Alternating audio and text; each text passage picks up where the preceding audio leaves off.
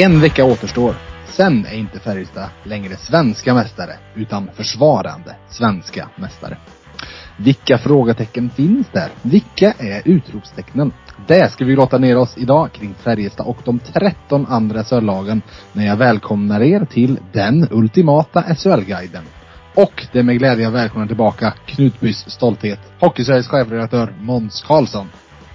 Ja men tack så mycket, kul att vara med och framförallt kul att få titeln Knutby stolthet. Där är ju konkurrensen ändå riktigt tuff måste jag säga. Jag tycker det är dags att du claimar det nu. Det är dags. Ja. nu, nu placerar vi Kristi Brud och så vidare till eh, Helge Fossmo till, eh, sido, till sidlinjen och tar in Måns Karlsson i rampljuset. Ja men exakt och jag reagerar också på en annan grej du sa där att Färjestad är försvarande svenska mästare. Säg aldrig det i närheten av Roger Rönnberg för han blev ju alltid tokig när man sa att de var det. Att de skulle försvara Jaha. ett guld. För hans, in, Oh. hans grej var ju att vi ska inte försvara något guld, vi ska vinna ett nytt guld. Ah, ja, just Det var ju hans eh, putt på den här Frölunda har vunnit SM-guld. Så vi får se om Vitell eh, rättar det på samma sätt här under säsongen. Om, ja men exakt, exakt. det, det, det, inte riktigt känslan att han är riktigt lika eh, småaktigt grinig som det kändes som Roger Rönnberg var i det där fallet. Nej, det har du nog en poäng i. Men man ska ju aldrig säga aldrig, för vem kunde tro att Perra Jonsson varje gång han blir kallad Johansson blir skogstokig? Nej men exakt. Men det kan jag förstå på ett sätt i alla fall. Men man, han har ju inte den auran. Men jag, jag är på hans sida i det här, det måste jag säga. Du, du har varit med. Vi har gjort det här, det blir väl fjärde året i rad vi gör det, helt enkelt. Ja, minst. Eller femte. Femte kanske det är till och med. Kanske till och med det. Ja. Ja, det, man har hållit på med podd några år när man har glömt bort vilket år det är. Men eh, likväl så ska vi gå igenom det nytillskottet som har kommit i podden här i början. VF Hockey 10 där lyssnarna ska få lära känna dig på ett lite annat sätt. Så jag börjar med att säga, vad är det sista du gör innan du somnar? Eh, nu för tiden är det faktiskt Candy Crush tror jag. Spela lite Candy Crush telefonen, spela upp Mm. mina liv där och sen så är det sova som gäller. Mm. Vilket är ditt bästa tips? Eh, ja men att, eh, ett, vad ska man säga, det här är väl cheesy att säga det. Det är väl inte direkt någon ny spaning för mig. Men rör på er och träna så mycket ni kan. Eh, Det är väl ett bra tips som jag mår väldigt eh, bra av i alla fall. Istället för att lägga sig och scrolla på Netflix när man är rastlös så kan man eh, göra någonting annat som främjar hälsan så att säga. Mm. Mm. Min eh, kombo är att jag gärna tränar samtidigt som jag tittar på någonting. Att, Ja, eh, den är en klassiker. typ- Mm. Ja, eh, då, då nytta med nöje och så vidare. Exakt. Vad är du riktigt bra på? Eh, ja men jag är ganska, jag känner, säger att jag är ganska vass på liksom quizar och i synnerhet liksom Mm. sport, gammal sporttrivia. Jag är bra på att komma ihåg hur det har gått i olika mästerskap i olika sporter och det är liksom ganska brett. Jag, det skulle jag säga att jag är ganska vass på. Det är klart att man sticker ut när det gäller hockey såklart i och med att det är det jag bevakar mest nu men eh, jag skulle säga att jag kommer ihåg mycket vad som hände i gamla friidrotts-VM eller skidskyttetävlingar och så vidare. Ja, just det. Ja, men då, då, då tar vi, vi vad satte Jonathan Edwards för något världsrekord i, eh, i Göteborg då? 95? Ja men det var ju 18, 18, 1829. Så Ja, men det ser. Ja. Mm. Vilken tur att du lever upp kring hypen. ja, verkligen. Ja, det hade varit tufft. Jag är lite sämre på typ, hade du frågat om slägga världsrekordet, då hade Ja. det varit tuffare. Men Ja, då är det eh, det där Ja. satt som ett rinnande vatten i alla fall. Ja, härligt. Vilka tre appar på mobilen använder du mest då? Är Candy Crush till och med där eller är det bara en eh, slutfas på dagen? Ja, ja, nu för tiden. Jag skulle säga att under semestern var nog Candy Crush med där uppe och, och eh, hotade. Men annars är det väl Twitter framförallt. Messenger om man får säga det. Eh, och sen kanske vi kan slänga in eh, Candy Crush. Och då räknar vi bort så här streamingtjänster som står och tuggar på. Ja, just det. Just det. Mm. Vilken är din största last? Ja men det här var ju lite kul för att jag visste ju att jag skulle få den här frågan så jag frågade, jag hade faktiskt samtal med min sambo kring det här, vad, vad är det? Och då sa ja men det är väl klart att det är väl att man äter lite för mycket dålig mat eller att det är något chips här och där. Men sen kom jag ju på att nej min största last är nog faktiskt bröd, alltså vitt bröd. Ah. Det är nog det jag skulle ha svårast att sluta med om jag skulle gå på en diet någon gång. Ja, ja det är ju för jäkla gott. Ja, det är det. Vilken är din favoritfärg då? Eh, Ja, Ja, det är väl eh, nog ändå grönt och vitt i randig kombination kanske. Oj, oj. Ja. Är det, är det Hammarby-kärlek som kommer fram eller alltså, är det för att du pratar med en Färjestad-podd eller vad är detta? Nej, det är ju tyvärr i det här fallet inte Färjestad utan det är ju Hammarby skulle jag säga. Mm, Ja. mm. Föredrar den gröna nyansen. Ja, Okej, just det. Ja. Vad skulle det vara omöjligt för dig att lära dig? Ja, alltså eh, egentligen allting praktiskt. Jag är dålig på Ah. att snickra, laga mat, eh, bygga ihop eh, tekniska grejer ifall någonting skulle gå sönder hemma. Eh, nej, det är allt sånt är jag riktigt dålig på och skulle nog inte bli bra oavsett hur mycket jag försökte. Nej. Du vinner en miljon, vad spenderar du den på? Är det att hyra in hantverkare då? då? ja, precis. Ja, men nu har vi ju köpt en lägenhet här ganska nyligen så nu skulle det nog gå till att renovera ett badrum till att börja med. Så, Ja, så kul skulle nog, det kanske inte skulle, hela miljonen kanske inte skulle gå till det men där skulle jag väl börja lägga mina pengar i alla fall. Alltså nog att det är dyrt att renovera WC-rum och så vidare men drar du en miljon på ett badrum i en lägenhet då, då är det Ja, det- hög, standard. Då blir det nog en minusaffär även när jag säljer lägenheten sen. Så kan jag ju säga. Ja. Vad äter du till frukost? Ja men det har ju varit mycket, det jag var inne på tidigare, just med bröd och sånt där. Men det har jag försökt dra ner på ganska mycket. Så nu är det mycket eh, ägg, macka på knäcke, eller ägg på, kokt ägg på knäckebröd ska jag säga. Är det mycket nu för tiden. Eller leverpastejsmacka och sådär. Snarare än de här rostbröden med eh, smör på liksom. Det här hade jag en liten debatt på Twitter under sommaren. Eh, när ska smöret på på en rostmacka då? De två gånger där du unnar dig den? Eh, ja men det ska ju på när mackorna har börjat kylas ner i alla fall, definitivt. Oj, oj, oj. Jaha, då, Ja. då hamnar du i det där sjoket jag folk. är det fel, var det fel svar? Nej, ja, ja, jag tycker det är bedrövligt. Nej, jag eh, tycker, men det, det var, det blev ganska livlig debatt av det faktiskt. Eh, Mm. Men du har Jakob Porsche på din sida. Har du. Ja, det är bra. Han gav har lyckats bra i livet. Ja, det har han. Eh, Ja. Det började som en debatt mellan mig och min kollega Ida här på VF och så blev den eh, Twitter-uttagen. Eh, Vi tog, tog med oss den dit ut och så drog det vidare och det fanns ganska starka känslor. Men ni är, ni var, jag säger så här, ni var fler än jag trodde som ville kyla ner mackan. Men Ida, i hennes fall var det i princip lägga in den i frysen i en timme. Nej. Men i Ja, kylskåpet riktigt. skulle nog nästan gärna kunna, för den skulle verkligen vara helt kall innan smöret skulle på. Ja, jag förstår. Ja, jag var nog mer så när jag var yngre. Då ville jag väldigt gärna ha den liksom, då skulle den vara verkligen kall. Nu är jag lite mer liberal i den frågan kanske. Okej, just det. du, till sist då. Du får fria händer att bjuda in fyra personer till en imaginär middag. Vilka skulle du vilja ha med dig runt bordet och sitta och köta med?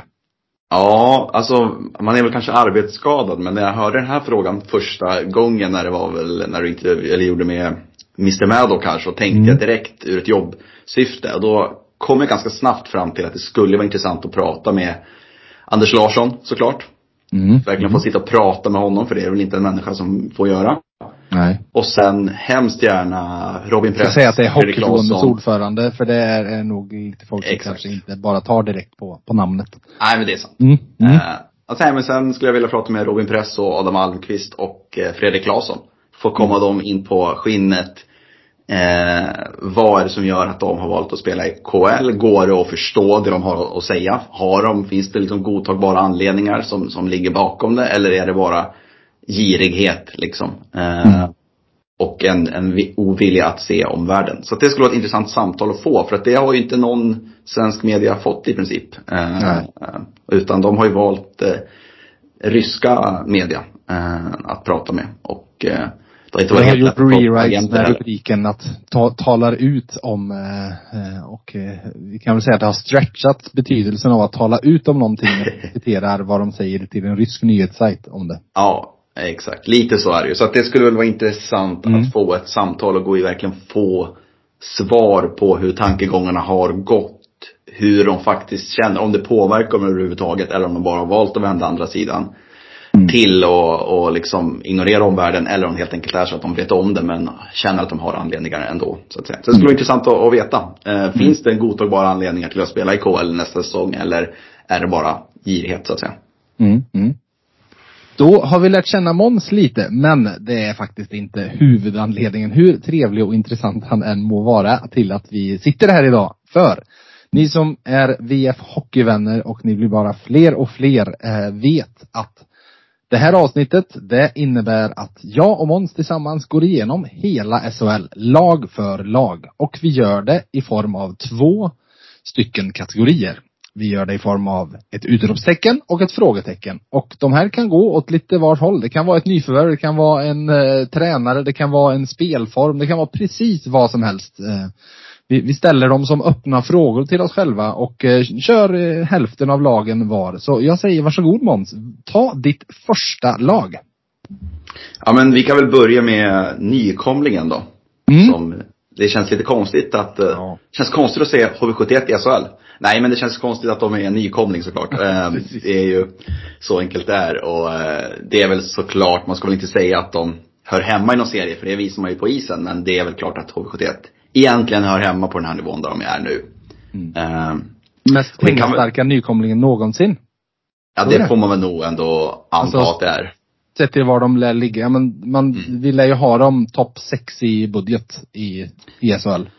Absolut. Det var, de var ju uppe kanske till och med ännu högre, topp tre till och med det året mm. de åkte ur. Så de är ju liksom definitivt en av de starkaste klubbarna i svensk hockey och det kommer verkligen från ingenstans när de åkte ur. I vissa fall kan man ju se att det vart åt det barkar. Att när Modo åkte ur så förstod man att det låg lite på lut. Mm. Om Brynäs hade åkt ur det år de mötte HV i kval så förstod man, hade man också förstått det i och med att de var på väg neråt. Nu skulle Linköping kunna vara ett sånt lag, liksom så här, man kan inte leka med elden hur länge som helst. Till slut hamnar man i ett, i ett kval liksom. Men för HV kom det verkligen från absolut ingenstans. Mm, mm. Eh, och nu är de tillbaka sagt med ett starkt lag som du är inne på, ett dyrt lag. Men mitt frågetecken är ändå på en lagdel som det känns som att de har glömt bort nästan lite grann. Och det är ju faktiskt backsidan. Mm. Eh, som, alltså Erik Martinsson är ju en kanonvärvning. Han har varit bättre för varje år han har spelat i SHL och var ju faktiskt, jag tror han slutade tvåa i backarnas poängliga det året HV71 åkte ur. Mm, eh, mm. Vilket är starkt. De hade visserligen ett väldigt bra powerplay, det var väl nästan bäst i serien tror jag. Men säger de någonting. Men sen är det ju, egentligen vill det ju till att Emil André blir en toppback på SM-nivå. Eh, den här säsongen för att backsidan ska hålla. Eh, och det kanske han blir. Det får vi ju se. Det är svårt att bedöma i och med att han inte har gjort en liksom full säsong i, i SHL. Och han kan ju få ett jättelyft som vi har sett några backar få genom åren. Men det håll, jag tror inte ens det räcker att han liksom är William Wallinder bra eller Albert Johansson bra. Utan han måste liksom vara ytterligare ett steg upp. Han måste liksom ta ännu, ett ännu större kliv. Han kanske ska ta ett lika stort kliv som typ Lukas Ekestad Jonsson gjorde mellan, för två säsonger sedan och ja, förra säsongen. Att han liksom tredubblade sin poängkör från en säsong. Det är liksom det steget Emil André nästan måste ta på en gång här. Uh, för sen är det liksom Chad Billings. Ja, absolut. Han var helt okej okay när han gjorde ett inhopp i Brynäs för två säsonger sedan och var jättebra på allsvensk nivå. Men hur bra är han egentligen nu? Eh, mm. Daniel Bertov, numera Daniel Glad heter han va? I efternamn. Just det. Mm. är ju inte Åh, mycket har... ordvitsar det kommer bli. det kan man lugnt säga. Uh, han har inte heller riktigt visat framfötterna sista åren i SHL och Filip Westlund har inte breakat och så vidare. Nej. Så att jag tycker att backsidan är bland de svagare i, i SHL och skulle Erik Martinsson gå sönder, då är det ju katastrof faktiskt. Mm. Det är ju inte många att hålla i, hålla i handen fall det börjar blåsa bakåt. De Nej, verkligen inte. Nej men absolut inte. Och jag kan förstå i och med att eh, de har laddat på ganska rejält på forwardsidan och fått hem några tunga hemvändare och sånt där. Och då kanske det blir på bekostnad av backsidan. Men jag skulle nog börja byggt mitt lag där om jag var en nykomling i SHL. Mm, mm. Det var inte som att det har inte funnits backar och värvar eller? det kan man lugnt påstå. Det, det har ju, och sagt Erik Martinsson är ju definitivt en av de bättre och mer intressanta backvärvningarna men ja. hade nog behövt minst en till. Ja, vad sätter du för något eh, utropstecken då? Ja men här finns det ju ändå en del att välja på. Nu har jag varit gnällig här. Men jag väljer ändå Fredrik Forsberg. Eh, mm. Jag tror faktiskt att trots de stjärnvärvningarna HV71 har gjort så kommer han vinna den interna poängligan kommande säsong. Mm. Eh, han borde kunna göra en bit över 20 mål och 40 poäng. Eh, tycker jag. Sett till att han redan för två säsonger gjorde 17 mål i SHL trots att han fick minimalt med speltid. Stundtals till och med var petad ur matchtruppen. Ehm, I kvalet mot Brynäs var han egentligen den enda som kändes vass och spelade på en hög nivå i offensiven. Ehm, och han, han kom alltså delad åtta i SHLs skytteliga för två säsonger sedan. Ehm, trots Fascinerande att, att han följde med ner. Alltså just med ja. det här du säger att, alltså allsvenskan hade ju han redan gjort. Och han, han, fick inte riktigt förtroende till HV. Nog att han fattar ju att han stannar så kommer jag få jätteförtroende. Men man hade mm. ju lätt kunnat förstått att, nej men herregud hörni. Det här, ni tog inte hand om mig. Nej men exakt. Och sen gjorde han 28 mål i Hockeyallsvenskan och sen vet vi vad han gjorde när han, han sköt ju upp dem på egen hand nästan kändes det som mm. i, i avgörandet mot Björklöven där. Eh, så att gör man 17 mål i SHL, 28 mål i Hockeyallsvenskan så ska man väl upp över 20 mål i SHL med den, förmodar jag, betydligt större rollen han får den här säsongen. För att man ska ändå säga att han var lite valpig i SHL för två år sedan. Mm. Nu har han mognat till sig. Jag tror att Tommy Samuelsson är en jättebra tränare för honom att ha också. Så att jag tror att han kommer, ja men en bit över 20 mål sätter jag nästan som eh, lägsta förväntning på honom till och med. Mm, mm. Du, eh, vi hoppar vidare till lag nummer två och eh, tar en, eh, en, ja det var en av de eh, vita fläckarna på hockeykartan för mig fram till i våras. För jag hade aldrig varit på match i Ängelholm. Men eh, sen var jag där tre gånger på åtta dagar helt plötsligt. Så, så nu har jag varit där och jag ska givetvis då prata om Rögle. Eh, och utropstecknet så har jag satt en kategori som jag kallar de som faktiskt är kvar. För vinna serien, vinna COL, gå till semifinal i slutspel. Visst, Leon Bristedt och Lukas Ekstol Jonsson, de lämnade, men att med liksom ett, ett, lag som har haft den säsongen få behålla Rifalk, få behålla Anton Bengtsson, få behålla Rem Tembellini. För mig är det en sinnessjuk jackpot för Rögle. Eh, och så här, vi har ju pratat mycket hela sommaren och debatten handlar mycket om att alla, alla hemvändare från KL och så vidare. Det vi inte riktigt har pratat om är ju vad, vad det har gjort åt andra hållet. De här spelarna som en normal sommar lämnar SHL men som nu blev kvar. Och där känns det ju som, alltså Adam Tembellini, hade han velat, nu har det stuckit en del nordamerikaner, men i ett normalfall så hade ju man nästan kunnat räknat bort en sån spelare från SHL för att det hade kommit så pengastinna bud att Rögle, visst han har, jag vet inte om han har out och så vidare, men det spelar inte så stor roll för att lite alla Alexander Salak-läget när Färjestad sålde honom eller Chris Lee när de sålde honom eller eh, Mikael Wikstrand när de sålde honom att man kan inte riktigt stoppa en spelare när det är de absolut största klubbarna i KL. För att lönen den kan få plus de miljoner man själv kan få, det blir liksom för mycket pengar. Så jag säger där, sen måste jag även slänga in en liten eh, minigrej att jag tok gillar värvningen av eh, Theodor Niederbach. Om jag var Frölunda däremot så skulle jag skämmas, men jag skulle tycka det var lite pinsamt att, att se en 20-åring som man själv har fostrat av den kalibern lämna. Speciellt, det är faktiskt inte första gången det händer heller. Vi såg ju Jakob Petersson här i Färjestad, vilket lyft han fick och gick från inte chansen i Frölunda till ett bra år här till ordinarie NHL och Dallas. Så jag tror Niederbach, 25 poäng. Eh, bettar du emot eller eh, tror du jag har rätt? Ja, men det är, lite, det är lite kul det du säger för att jag sitter faktiskt i detta, i denna dag när vi spelar in det här så har jag suttit och skrivit min analys av Rögle som kommer på, på hockeysverige.se och mm. jag är inne på precis samma spår där att just det här med att de får behålla de där spelarna är ju total jackpot egentligen. Eh, ja. Vi kan även nämna målvaktsparet där. De hade bäst räddningsprocent i målvaktsparet i hela SHL förra säsongen. Och just båda det. målvakterna är kvar. Eh, mm. Som det ser ut i alla fall. Så att det är ju en jackpot även det. Och Niederbach, ja jag håller med där också. Han, han om man ser till vad han gjorde förra säsongen, lite i skymundan känns det som, så gjorde han faktiskt en riktigt bra säsong måste man säga i den mm. begränsade rollen han hade. Och det som en kan tala emot det är väl att det är sån otrolig konkurrens på Rögles forwardsida. De har ju egentligen 9-10 forwards som skulle kunna gå in och spela i en topp 6-roll och han är ju definitivt en av dem. Och lite beroende på hur mycket speltid han får i powerplay och sådär, men han har ju definitivt potential att bli en eh, få lite större genombrott och få större rubriker den här säsongen. Det är ingen snack om saken. 25 Nej. poäng är väl ungefär där man kan räkna med att han hamnar, skulle jag tro faktiskt också. Dessutom så kommer han ju typ inte kosta en krona för Rögle att ha där. Eh, för Nej, precis. Han lär ju skriva en ölkontrakt efter den här säsongen. Eh, så att då, pengarna de får där, det täcker ju lönen han har i vinter. Mm. Så nej, det är fint. Eh, frågetecknet så här, den utbyggda arenan där nere, den är läcker, otroligt fin utbyggnation. Eh, den ger ju andra möjligheter till Rögle. Jag hörde någon siffra av att de får, det är, säg att det är 1500 platser och sånt de byggde ut med. Och jag tror de tjänar lika mycket pengar på de platserna som de gör, gjorde på hela under etage innan. Liksom. För att det är bara restaurangplatser nästan.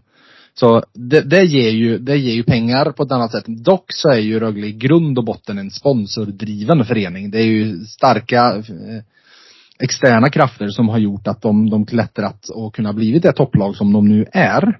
Och, och kunna betalat, betala sådana löner. Och med det sagt, jag kan inte förstå varför inte Cody Curran spelar i Rögle just nu.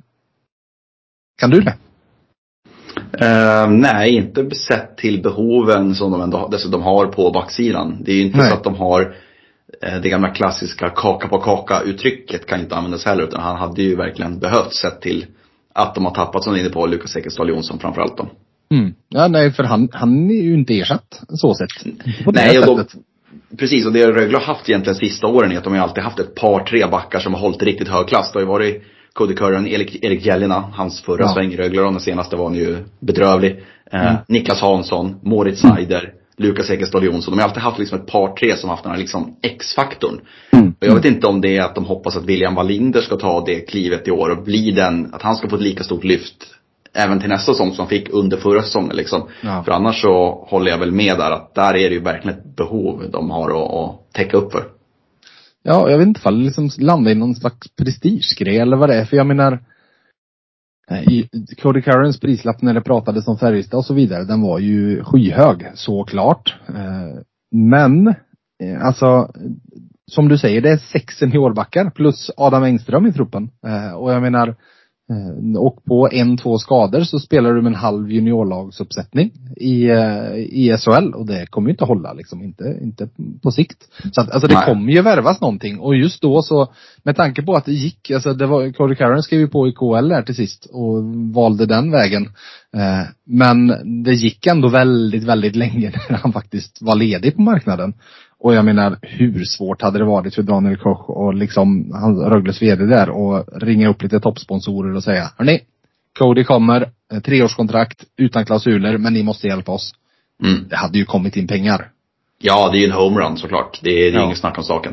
Absolut. Och han hade ju gissningsvis håller han väl fortfarande bra klass också. Kanske inte att han gör 49 poäng i SHL igen, men han i powerplay borde han ju kunna fortfarande stå och dominera i några år till. Ja, och det är inte att, som du sa, det, är det här kaka på kaka, det är ju inte att man hade känt att de hade plockat in honom och så hade han då plötsligt, ja men säg att de hade haft Emil André. Mm. Och man hade tyckt att, ja men vadå, vi vill ju att han ska stå och dansa på blå i första PP. Då kan vi inte ta in Curran, då hamnar han i vägen liksom. Den, den faktorn finns ju inte. Eh, men, Nej, så är det med det sagt så jag vill även slänga in, eh, Michael Kepler tror jag är en jättebra backvärvning. Den mm. tror jag är toppen. Jag förstår inte varför de skulle ha kvar crosschecking-maskinen Wojciech Mosik. Eh, och jag tycker det är ett litet märkligt tapp med Valtteri Kemiläinen, som jag tyckte var Rögles bästa back, i alla fall i semifinalserien mot Färjestad. Att, mm. men han stack tillbaka till Finland så att det kan, det har varit helt omöjligt att faktiskt, han kanske ville hem, jag vet inte, jag har inte koll på honom så. Men eh, det känns som att det inte hade varit helt omöjligt att faktiskt få behålla honom. Nej, det ska väl vara om han hade signat ett kontrakt med dem, med finska klubben innan han gick till Rögle redan. Att han redan var ja. klar för, för kommande ja, jo, det, det, finns det en sån aspekt liksom. Nej, uh. nej. Ja, vi, det, det, vi kan släppa det. Eh, likväl så tycker jag han är ett tapp också. För att jag tyckte mm. han var en fullt, fullt duglig och bra SHL-back. Men varsågod Måns, var åker vi nu i Sverige? Ja men vi tänker på klimatet och gör en kort resa här eh, och håller oss kvar nere i, i Skåne. Yes. Till det laget som väl de flesta tippar på kvalplats och många tippar sist i SHL, i Malmö. Mm. Mm. och vi kan väl börja med frågetecknet där och för att liksom utkristallisera varför så många tippar dem på sista plats. Eh, däribland jag.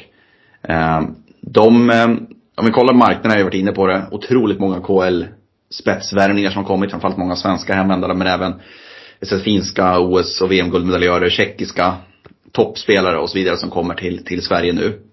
Och Malmös liksom enda spetsvärvning till den här säsongen är ju Christian Vesalainen.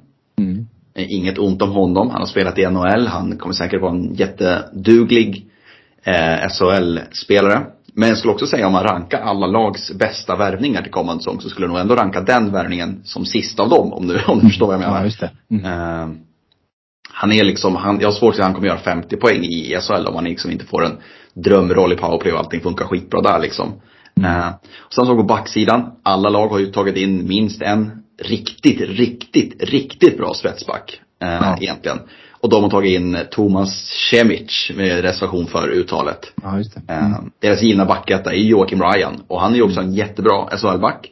Men han kanske fortfarande är den sämsta första backen i SHL om man ska vara hård. Ja, eh, ja. Även fast han gjorde en jättebra säsong i fjol så mm. är han fortfarande nivån under de flesta andra backarna mm. som har kommit in.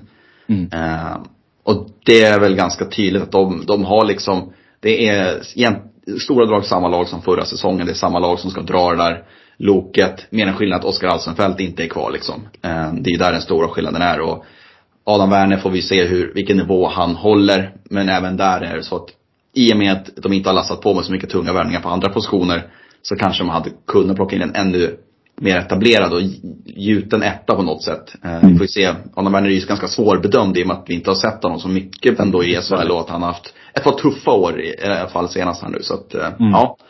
Där har vi, de har liksom, av alla värvningar som har gjorts så är de nästan de som har värvat sämst av deras bästa värvningar på alla positioner liksom. Mm. Eh, om, man, om man kan uttrycka det så. Och därför tycker jag att det är ganska gjutet att, eh, att ha dem sist sett till att det såg ut som det gjorde även förra säsongen. Har du sett han Simic, eller hur det nu uttalas, på första Nej. Något? Nej. Nej. Färjestad mötte ju Malmö. Uh, och uh, jag fick lite Rickard Lintner-vibbar på honom. Mm. Han var lite överallt. Mm. det var, ja. Uh, det, kan, det kanske de behöver. Ja. ja, når han den nivån så ska de vara nöjda. Mm.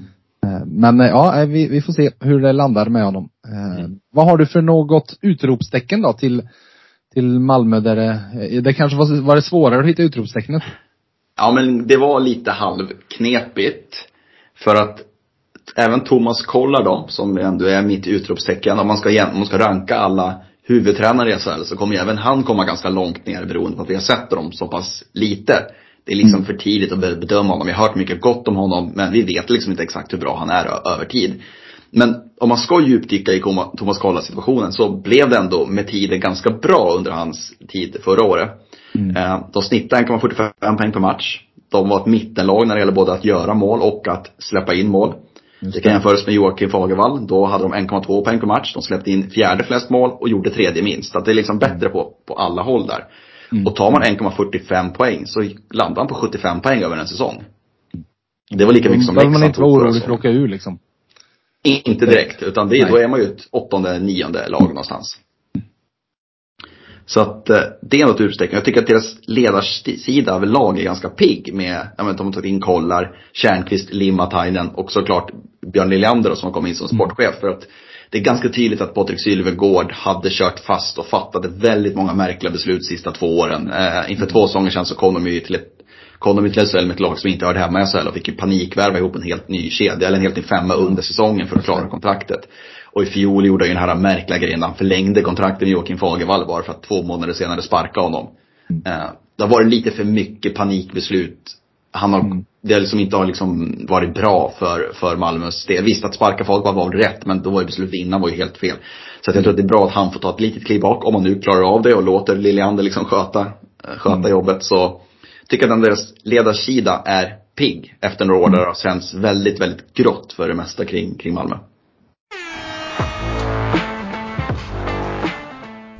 Hej! Nu kan du följa VFs bevakning av de regerande svenska mästarna hela säsongen för endast 99 kronor.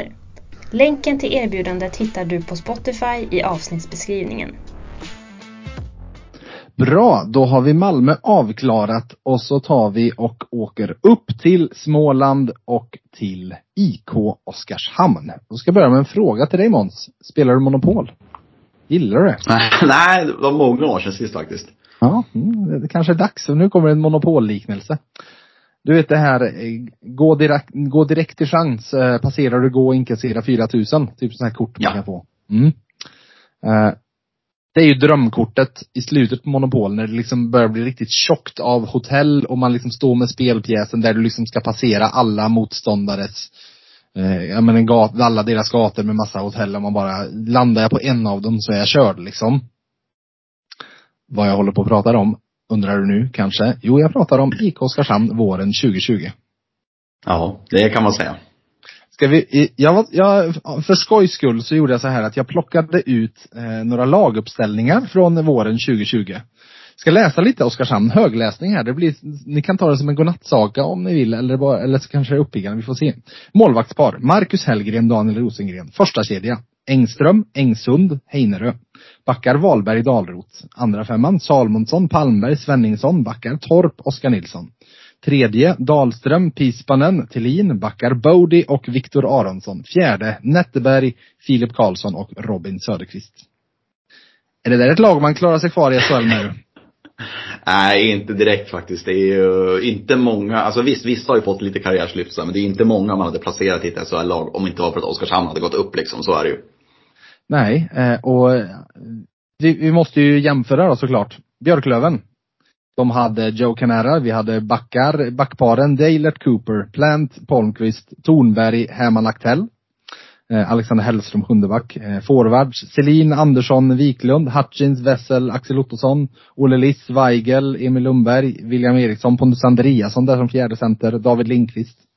Vi måste ju ta lite mod också såklart, lite backpar. Enström, Norlinder, Hedberg, Nässén, Belov, Oskar Hedman, Anton Öhman, Viktor Berglund. Vi tar lite forwards. Tambellini, Jonsson, Karlqvist, Rosdahl, Olofsson, Kangasniemi, Linus Pettersson, Jelvert, Henrik Björklund, där jag är tredje, Sylvander, Häggström, Johan Forsberg och Hanses och Lundin som målvakter. Det, det, är ju, man har ju snackat mycket om Björklöven i och med att de var så fruktansvärt bra. Men det där Modalaget är ju, alltså det är ju bland det sjukaste man har, har sett. Och plus liksom Björn Hellkvist som tränare dessutom, ja. som ju sen säsongen efter gjorde dundersuccé med Leksand liksom. Det är ju mm. helt bisarra allsvenska lag båda två. Men det där Modo, Modo-gänget är ju, ja, det är bisarrt. Ja, eh, och visst, det är alltid när man tittar på sådana här, man tänker ju liksom på vad de är nu eh, och så vidare. Men de var ju inte dåliga då, många Visst, Pontus Andreasson var ju inte vad han var i Luleå förra säsongen, den säsongen. Men likväl, vi kan väl vara ganska överens om att det faktum att eh, Corona slog till räddade Oskarshamns SHL-existens, det är ju, jag hade, ska vi säga 2080 att de hade klarat sig kvar? Ja, kanske. Jo men det, de hade definitivt varit underdogs faktiskt i känslan i alla fall. Ja. Helt klart. Eh, och alltså de, fan man i Monopol är på väg att bli ruinerad så var de på väg att bli degraderade i alla fall. Eh, men jag är sjukt imponerad måste jag säga över det som har hänt från den punkten och framåt. Då hade ju Thomas Fröberg varit där i ett halvår ungefär. Eh, och lagbyggena han har satt därefter, för jag menar det, han kom inte till ett dukat bord, det kan vi inte säga att han gjorde med det där laget. Så därav, mina två utropstecken i Oskarshamn blir Fröberg tillsammans med Martin Filander som ju kom in den sommaren. Eh, det går inte underskatta faktiskt vad de, de två har gjort. Jag är oändligt imponerad eh, över det. Och hur de sett alltså varje år sett till att resultatet av det de har skapat, alltså summan har blivit större än delarnas värde. Liksom. Hela tiden fått ut mer av laget än vad, vad alla liksom tycker att det, det borde gå att göra. Eh, så, så här, jag har ju redan i VF Hockey pratat om Jussi Rikola som en av flippvärmningarna.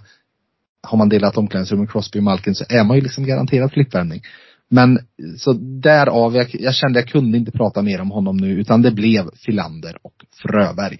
Men, vi ska gå på frågetecknet. Du ska få en liten spaning först. Oskarshamns nyförvärv kan vara bland det sjukaste jag har sett. För jag har hittat ett mönster. Har du sett det mm. eller är det något, blir det något nytt för dig tror du? Ja, det här, det låter intressant. Så mycket ja. Mm. De har värvat en svensk ifrån Tyskland. De har värvat en tjeck ifrån Finland. De har värvat en finne ifrån Tjeckien. De har värvat en svensk ifrån Polen. De har värvat en finne ifrån Kanada. En kanadensare från Tyskland. En finne från USA och en kanadensare från Småland. Ja, det, det måste vara ett gediget scoutingnätverk som, som plockar upp alla de där. ja, men, och det är ingen som kommer från samma land de är ifrån heller. Nej, det är sjukt faktiskt. Alla, ju... alla, alla spelare de har värvat är från, från länder där de faktiskt inte hör hemma. Så, ja. Mm. Ja, det är men, ju intressant kan man säga. Ja men det får vi säga. Eh, men jag, jag, jag, ska återkomma lite till, till de där, de namnen de har tagit in. Men jag, jag tänkte, du och jag är ju båda NHL-intresserade. Louis Eriksson, han var ju så underskattad så länge borta i Nordamerika att till sist när han började bli uppskattad och värderad för sina kvaliteter, då var han nästan inte bra längre. Eh, alltså att det, han hade liksom passerat och börjat gått neråt när folk till sist började tycka att han var bra. Och Oskarshamn, de var ju liksom laget som år efter år automatiskt blev placerade som jumbo. Nu har jag inte sett, jag har faktiskt inte sett ett enda jumbotips på Oskarshamn, har du det? Nej, faktiskt inte. Det är många som inte ens har dem på kvalplats, däribland jag. För, ja. för första gången ska sägas. Ja, nej. Och det här är ju då trots, alltså de har tappat sin bästa back, Brian Cooper. De har tappat tre av de fyra främsta spelarna i interna poängligan. Karlqvist är den enda som är kvar och han är enda från i fjol som finns i det här laget som gjorde fler än 30 poäng som är kvar. De har gjort en otroligt utspridd silly. Det finns flera kvalitativa namn av de där de har tagit in. Men gemensamt för de åtta är att dels att allihop kommer från ligor ut, som inte är SHL. Alla spelar någon annanstans förra året. Och Niklas Burström är den enda av de åtta nyförvärven som överhuvudtaget har spelat i SHL innan. Och det är, är ju någonting... faktiskt, ja men det just det sista du säger, det tycker jag är en ett verkligt frågetecken. För att SHL ja, det... är en speciell liga att komma till och det, det tar ofta tid. Sen har ju de haft en bra träffprocent men det tar ofta tid. Alltså framförallt den aspekten är ju verkligen värd att lyfta fram tycker jag.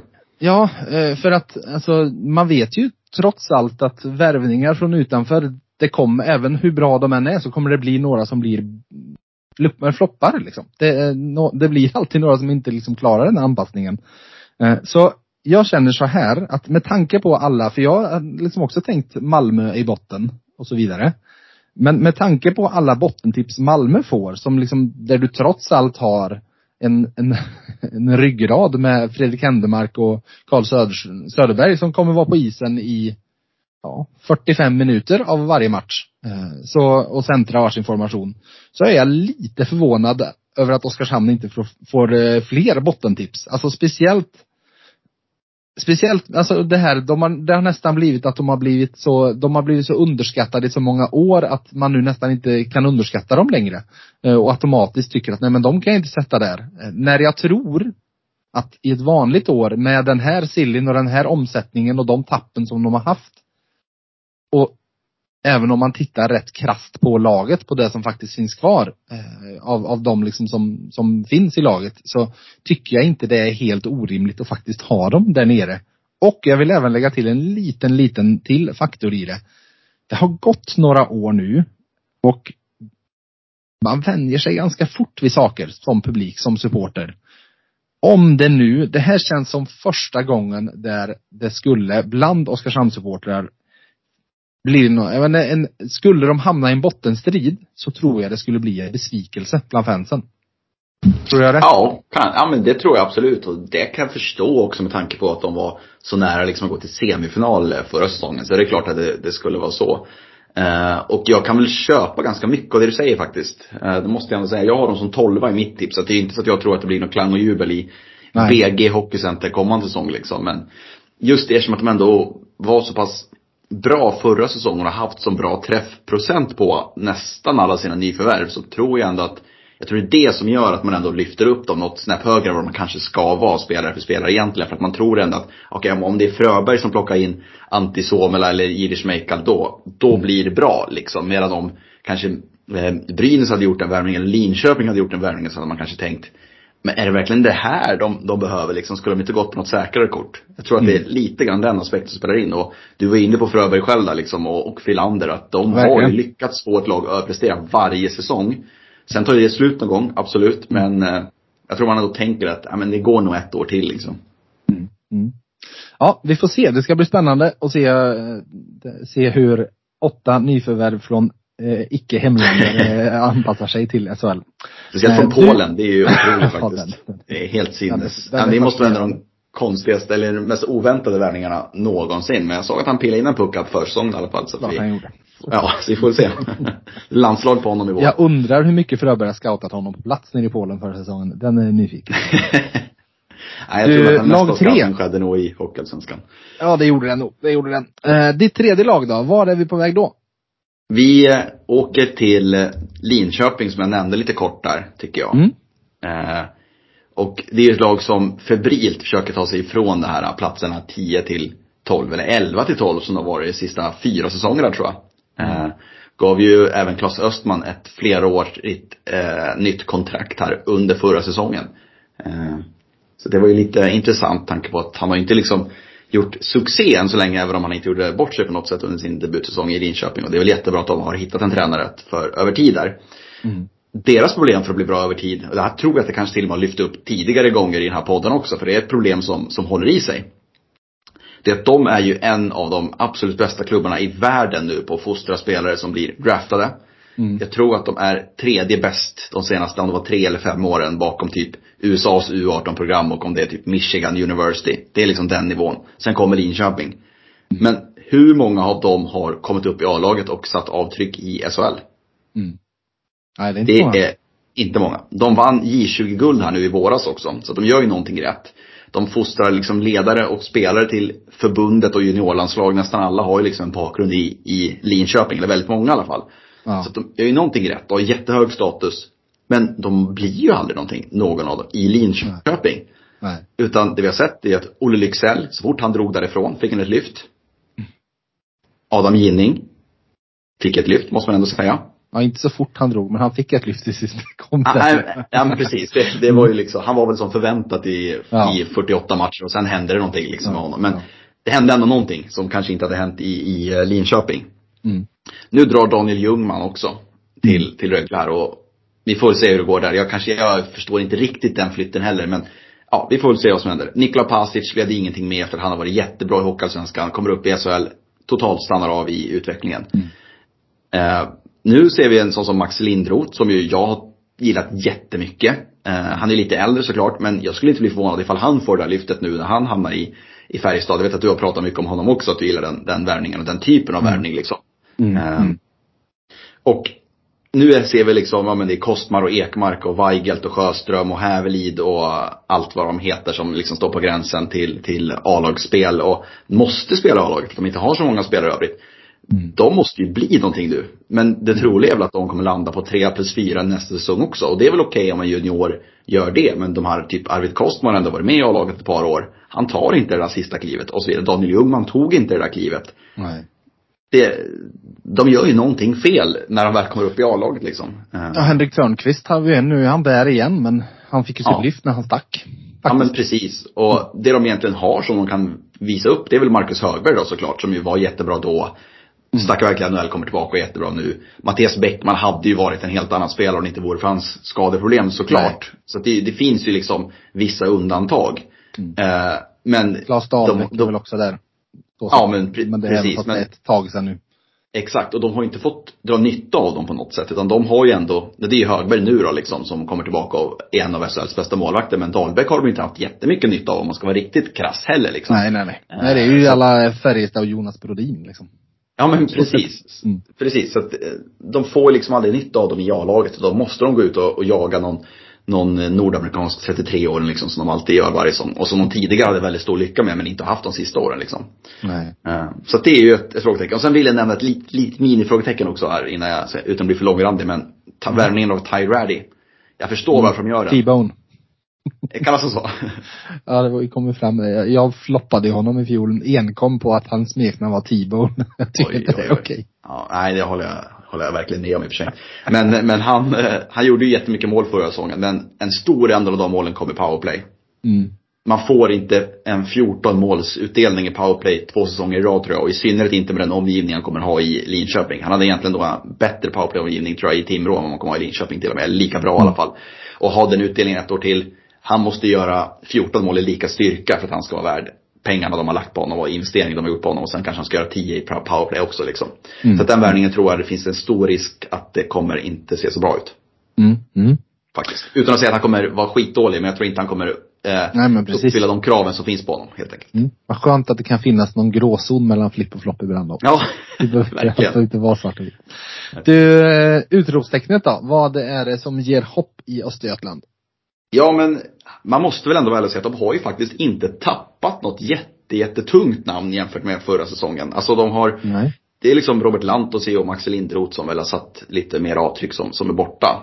Och sen har de förstärkt med Linus Hultström, en annan spelare som fick ett jättelyft när han lämnade Linköping för Mm, många år sedan. Eh, Han var ju typ sjunde back där och gjorde väl någon poäng på en halv säsong. Hamnade i Leksand, gjorde 30 poäng sista halvan av säsongen i princip.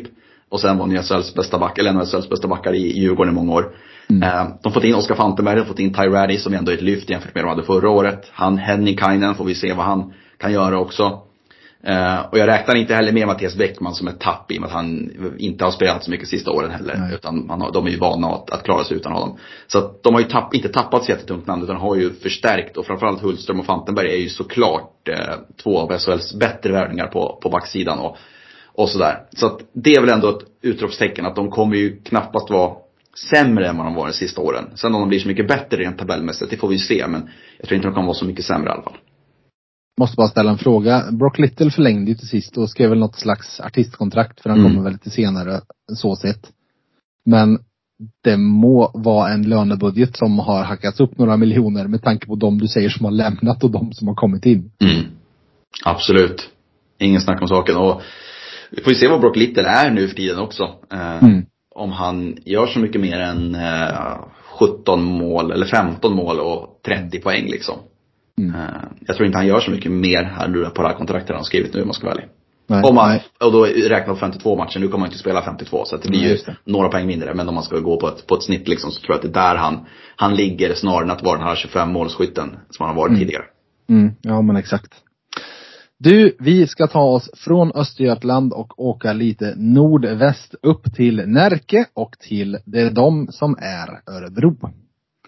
Eh, utropstecknet.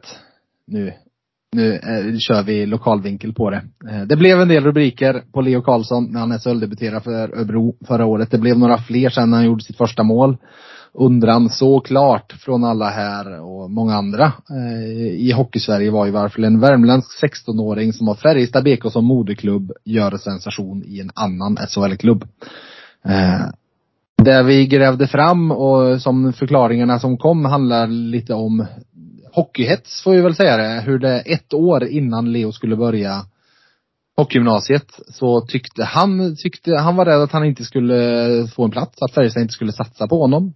Eh, Färjestad trodde det var så givet som någonting kunde bli. Så när de till sist började att prata med varandra, då hade han redan bestämt sig för Örebro och eh, ville, ville köra på det här spåret.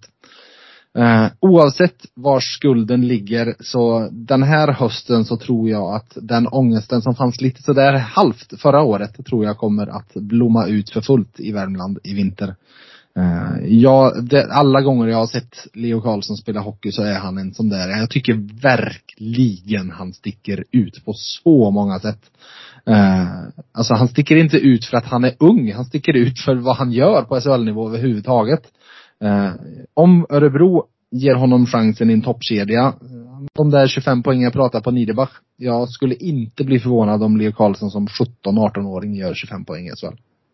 Nej, jag håller med. Det är ju en spelare som det är otroligt lätt att tycka om och som som sagt som verkligen märks när han är på isen. Eh, Mm. Varje gång man ser honom spela. Och jag tror att jag hade honom i en tredje kedja när jag satte upp ett liksom potentiellt Örebro-lag. Eh, och det är ju en, en roll han definitivt kommer kunna spela sig uppifrån eh, med under tiden. Det har vi sett med Örebro sista åren att de har ju inte varit Alltså om man jämför med Linköping då, där inte de här spelarna har lyft, så har man ändå sett att de här som inte är rätt etablerade i Örebro ändå faktiskt har fått chansen att spela med Rodrigo Abolos i en toppkedja när, de- när de liksom, Ja, de som har varit hetast liksom.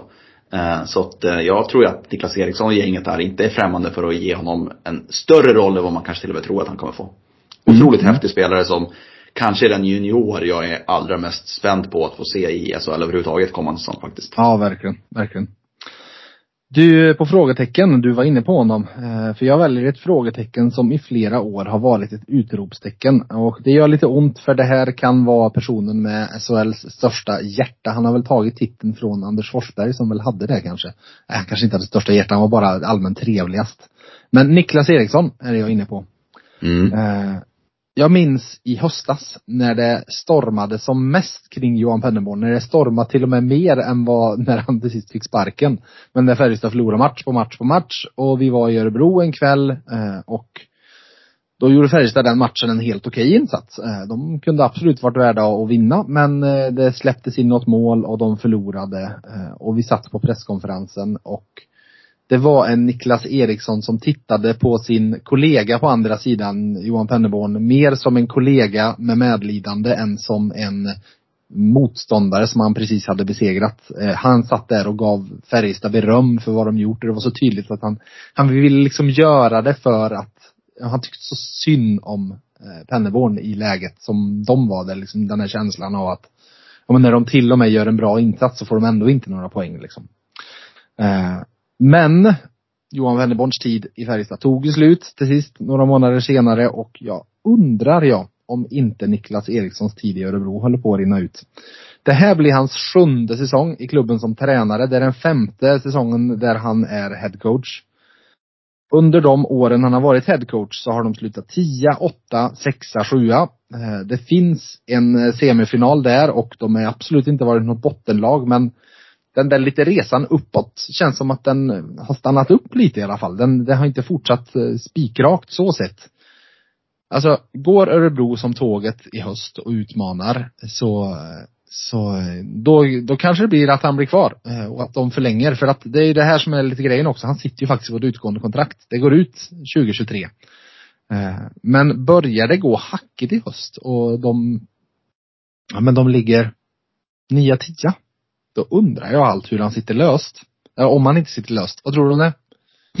Eh, nej men att vi återigen tänker likadant då. I, i, I den analys som jag, som jag skrev i Örebro så var jag inne på samma spår. Att jag tror att det blir sista säsongen för, för honom. Det är lite mm. samma känsla som det var just med, med Johan Pennerborn inför förra säsongen. Då kände jag kanske till och med att han satt en säsong för länge. Att man kanske till och med skulle ha gjort avbrottet efter ja, men, mm. säsongen innan där. Eh, men med Niklas Eriksson så är det ju verkligen känslan och eh, ska prata mer om honom senare, men jag tror ju också att en del i det lyftet som Örebro fick har att göra med en eh, annan rödhårig herre som stod i, intill honom i båset ett par år också, som inte heller finns kvar. Och eh, jag tror inte att det ska underskattas heller. Eh, mm. Faktiskt. Att ledarstaben som sådan kanske är lite svagare. De fick ändå göra ett par stora förändringar och sen försvann ju även Stefan Klockare till den här säsongen också. Så att det, de var, de var lite ganska rörigt runt om honom och det tror jag inte mm. direkt har talat till hans fördel heller. Nej, nej. Vi ska dra en liten Färjestad-parallell till. För eh, jag, jag skrev en krönika efter säsongen om att det var en himla tur att Färjestad i det där läget när det, det ropades på Penneborns huvud att de inte sparkade. För det som ju hade kommit in då hade ju varit Peter Andersson. Det har ju, de förde ju diskussioner med honom. Mm. Och jag tror sannerligen inte Peter Andersson på, eh, på sikt hade varit ett tränarnamn för Färjestad. Att det var Poängen i krönikan handlar om att det var en himla tur de väntade tills Thomas Mittell var sugen och de faktiskt fick in honom. Eh, så jag gör lite samma tränarspaning här. Om det går illa i höst så tror jag Örebro gör klokt i att eh, hålla sig. För det, den där gnällbältes Andersson finns ju som en ganska given koppling även till Örebro. På samma sätt som att han, han fanns som en given koppling till Färjestad. Eh, för jag tror, nu ska du få en spaning. Mm. Jag tror att Örebro, om de väntar och håller sig över den här säsongen. Och om de sparkar, bara tar in någon som kör resten av året liksom så tror jag de kan få en riktig jackpot till året efter. Min spaning, Martin Filander tränar Örebro säsongen 23-24. Oj, ja där finns det ju verkligen också en koppling. Så att det, eh, mm. den finns ju naturligt där. Det hade ju varit en jackpot som du säger. En väldigt bra Han har också utgående kontrakt med Oskarshamn. Mm. Den är fin 23. alltså. Känner ja, han även Niklas Johansson från Västerås-tiden? Finns det en koppling det där? Omöjligt. Det är inte omöjligt det heller. Nej.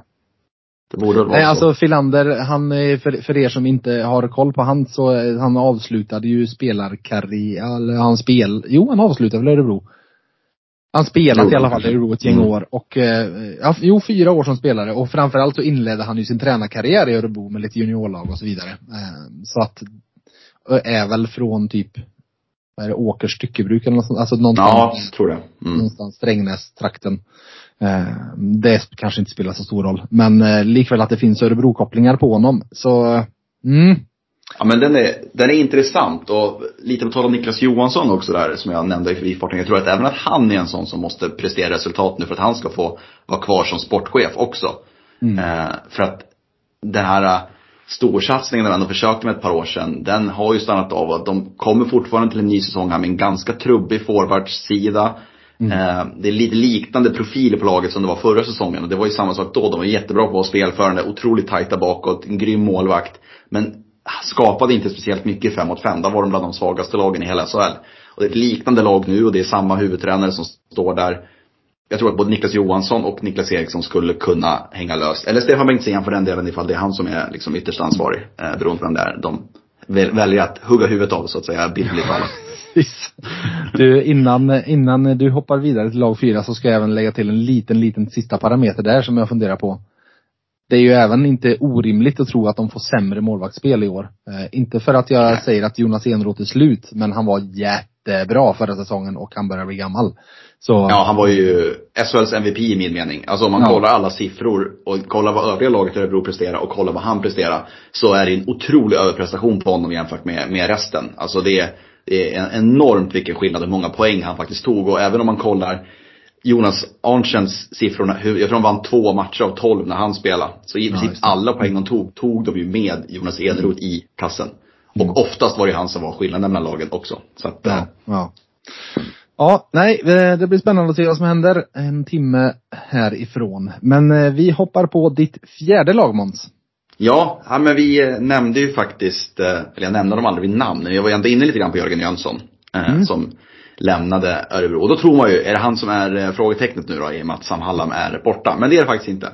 Men vi hamnar i Växjö och det är ju, på tal om darrigt målvaktsspel, nu gav ju Jonas Eneroth inte alls det förra säsongen, men några som gjorde det var ju Växjös målvakter.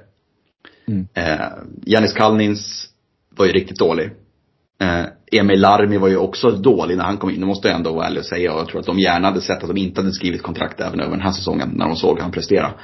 Eh, och sen är det ju Adam Åhman som ju gjorde det bra efter förutsättningarna. Eh, Men ju inte är en första målvakt i SHL. Inte, eller inte var en första målvakt i SHL i alla fall. Han kan ju ha tagit det steget nu, det får vi ju se. Eh, om man kollar till räddningsprocent så var Växjös målvaktsspel 12 bäst i SHL förra säsongen. Trots att de släppte in näst minst skott i egen skottsektor.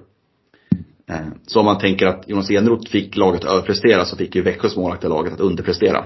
Eh, Det ser man ganska tydligt. Och de släppte in 32 mål fler än säsongen innan. Och det var deras sämsta notering i högsta serien. Som de gick upp för, vad är det, 10 år sedan. Eh, och Janis Kalnins förresten, jag vet att du gillar ju honom efter den här reklamen, eh, Svenska Spelreklamen, han var med i hela förra Svenska säsongen. spelkillen. Exakt. Han har blivit utbytt i sina två KL-starter här, som han har gjort vid talande stund också. Så att han har inte fått någon lysande start på sitt äventyr i, om det var Amur Chabarovsk eller vad han, eh, tror jag att det var, eh, han gick till. Tur han har svenska spelpengen att falla tillbaka på. ja men exakt, exakt.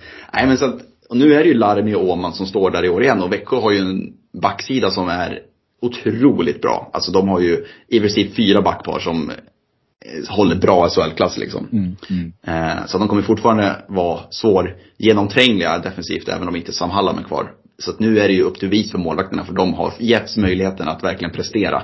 Och nu måste de ta den chansen. Eh, För annars så kommer de bli ett sänke för, för Växjö kommande säsong. Vad eh, tar du på utropstecken då? Ja men det här är väl, en, jag vet inte, ett skohornat utropstecken kanske. Men det är väl ändå ett ganska stort utropstecken att Sam Hallam är borta snarare än ett frågetecken. Får man säga. Ja. Eh, okej, mm, nu får du Ja, förklara. och då kommer jag ändå in på Jörgen Jönsson lite mer nu då. För att det finns ändå ganska många detaljer som talar för att han ändå är en bra rekrytering för Växjö. Visst, han har aldrig varit head coach. Det är en eh, skillnad. Ja, visst det. Men inte på seniornivå. Nej, nej. Nej, precis. Nej. Eh, så, så ska jag uttrycka. Han har varit assisterande dock, har ju väldigt mycket erfarenhet. Så att följer man karriärskurvan så har han ju mer erfarenhet än många andra assisterande coacher som har blivit huvudtränare. Det får man ju också vara ärlig och säga. Mm. Och Mm. i många fall har det ju slutat väldigt bra. Men Robert Olsson exempelvis gick ju som assisterande i ganska många år innan han blev headcoach och så vidare. Eh, men det kanske största anledningen till varför jag tror på den rekryteringen är ju att eh, han har varit i klubben tidigare. Det är ingen som kommer in ny och Henrik Evertsson är ju också kvar i klubben. Det är han som har rekryterat Jörgen Jönsson den här gången också. Mm. Och jag har ju svårt att se att inte Sam Hallam fick ge sin syn på Jörgen Jönsson innan han lämnade klubben också. Och Så här, ja, men, tror att det här är en bra rekrytering och Sam har ju jobbat med Jörgen på daglig basis i ett par år liksom. Mm. Så de skulle ju aldrig ge Jönsson uppdraget om de inte var mer eller mindre övertygade om att han skulle klara av det på ett bra sätt. Nej, precis. Eh, Sen, jag har tidigare skrivit en del om Jörgen Jönsson-effekten. Att när han har lämnat en, eller när han har kommit till en klubb så har han fått ett lyft. Och när han har lämnat en klubb så har man liksom sett att han har lämnat ett stort hål efter sig. Och eh, vi såg det i Växjö. Säsongen han, de sista säsongen han var där så vann han guld. Sen kom de väl tia tror jag, säsongen efter. Mm. Jag var inne på det med Örebro, att man såg ett ganska klart eh, tapp. Ett lyft när han kom in och tapp när han lämnade. Mm. Eh, och nu såg vi att han tog, var med och tog Davos till sin första semifinal på fem år. Så det får man, han fick ju ett snabbt lyft även där då. Mm. Mm. Eh, och sen vet ni ju även, för att hitta ett nytt plus, så vet ni ju i Karlstad hur han är på att vinna också. Han har ju en sällsynt förmåga att vara en del av vinnande lag och då är det väl inte en slump kan jag tänka. Han gillar det har jag hört. Ja, exakt. Och sen, om vi ska hitta ett sista plus då. Så är det ju att eh, hans eh, hårfärg matchar ju ändå med eh, klubb, eh, klubbfärgen så att säga. Så det är ändå fem plus som talar för att Jörgen Jönsson ändå blir ett, ett, ett utropstecken när vi summerar hans tränargärning. Sen är det ju omöjligt att göra det som Sam Hallam gjorde. Det, det går liksom inte att ersätta Nej. Sam Hallam på det sättet. Men man kan göra det så bra som möjligt och det är så till att Växjö är ett lag som är i toppen och fortsätter vinna, kanske inte var tredje år, men är med och utmanar kanske var femte år liksom. Då är det ändå, då är man ändå en toppklubb. Så jämn är SHL liksom. Jag var osäker efter fyra plus, men efter femte pluset, då hade det mig. Jag är övertygad. Det blir JJ-succé i Växjö. Ja men det känns, nej men du som ändå känner honom lite bättre och närmare än vad jag är. Vad, vad tror du om honom som huvudtränare? Om jag får ställa en fråga till dig här, om vi tar roller lite. Men alltså man, Jörgen Jönsson är ju en sån här person som hur mycket jag än har pratat med honom så känns det fortfarande, alltså man har liksom en respekt för honom. Eh, han, Mm. en, en, in, han ingjuter en naturlig respekt, så sätt. Eh, alltså han är jättetrevlig men han kan vara så grinig. Eh, för att han är en sån vinnarmänniska. Alltså han hatar så mycket att förlora. Och eh, det är klart att det är ju, det är ju den drivkraften som tar honom igenom hela, eh, eller har tagit honom i hela hockeykarriären. Att, mm. Ja, precis. Vann Han- han inte han till och med Mästarnas mästare till och med? jo det gjorde han, såklart. Ja, Eh, alltså såklart. han, han vägrar att förlora. Ja, Eh, så så är det att, och, och då betyder det att han jobbar så hårt han kan också för att Mm. vinna. Liksom. Eh, Och alla som har haft honom eh, vet jag ju, jag vet jag pratade med Magnus Nygren efter säsongen i Davos där och hur han men, hyllade honom även där nere för jobbet han har gjort. Så nej, det, det är väl väldigt tydligt som du säger, det är bara att titta på resultaten han har gjort. Eh, att eh, han är uppenbart en duktig, duktig tränare också. Så, såklart annat att vara huvudtränare sen. Absolut är det det, men jag har ju liksom, det är inte det att han saknar karisman och utstrålningen och liksom eh, hela den grejen för att Mm. kliva upp och vara huvudtränare. Att man tror att han kommer stå där och se ynklig ut i båset. Utan det är ju snarare kanske tvärtom. Så. Plus, Ja. Ska jag även säga att han kommer ju in till en tränarstab där han känner dem som han får runt sig redan. Mm. Eh, Mm. Och även det bör ju liksom kunna fungera eh, enkelt så sett. Ja, även om man inte varit Fredrik huvudtränare så- Hallgren han heter. Vad heter? Ja, han är Ja. en, en Sveriges mest anonyma hockeyperson sett till framgångarna ändå. Ja, det det, det, han, han är lika anonym som den här eh, tjommen som Graham Potter nu tog med sig till Chelsea. Björn, Björn Hamberg eller vad heter Just han? det. Jag Mm, lärde mig det namnet i förrgår. Ja, och då har han exakt. ändå enorma framgångar. Så det, Ja. det är sjukt. Ja. Ja. Eh, eh, nej men också det här med Jönsson, att han, även om han inte varit huvudtränare så är han ju ändå van att vara den som står i, i rampljuset. Han har ändå varit lagkapten i Färjestad vid, ja men ganska många säsonger. Han har ändå varit det i, i Tre Kronor vid många tillfällen. Han är liksom ja. van att stå där ändå, fronta pressen, både liksom den journalistpressen och liksom pressen utifrån om man ska, man ska bedöma det liksom, eller beskriva det. Eh, så att den delen har han ju också. Jörgen Jönsson skulle ju kunna ha varit lagkapten i Tre Kronor med Lida Sudden och eh, Foppa med. Men lite så, det har han säkert varit något VM till och med. Ja, kanske att ja. Sudden kanske ryckte Jo, men precis. Men han har ändå varit, han har ändå varit den som man alltid vände sig emot. Mm. Eh, liksom på något sätt. Och det tror jag ändå att till hans fördel. Jag tror det kan vara svårare för en tränare som inte har spelarerfarenheten och så kastas man in och får sitt första huvudtränaruppdrag. Men han har ju ändå mer erfarenhet som spelare än, ja men jag vet inte, vi har inte haft så många huvudtränare överhuvudtaget i SHL som har den spelarkarriären bakom sig som han ändå Nej. har. Nej. Eh, ska man vara ändå väl, vara ärlig och säga. Så att eh, Mm. därför så borde det ändå kunna funka kan man tycka. Ja, ja.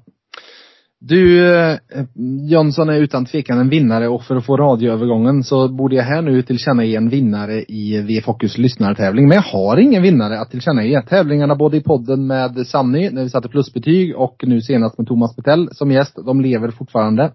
Så har ni inte skickat in tävlingssvar i dem eh, så kan ni fortfarande göra det för att vara med och tävla om det där presentkortet värt 500 kronor hos Christer Pika Maxi samt en bag från VF. Men ni ska även i det här avsnittet såklart få chansen att tävla om, om just de där priserna och en finalplats i stora lyssnartävlingen. Så lyssna riktigt noga på Christer här.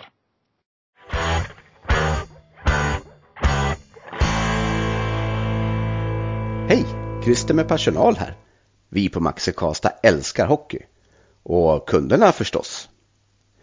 SHL-premiären närmar sig med stormsteg.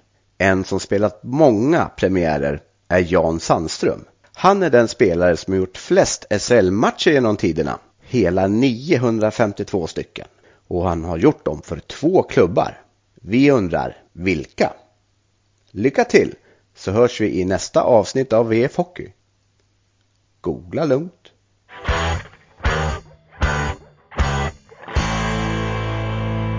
Alla ni som tar er till finalen får där vara med och tävla om ett presentkort värt hela 5000 kronor på ICA Maxi Bergvik eh, samt en helårs plusprenumeration på VF värd ytterligare tusenlappar.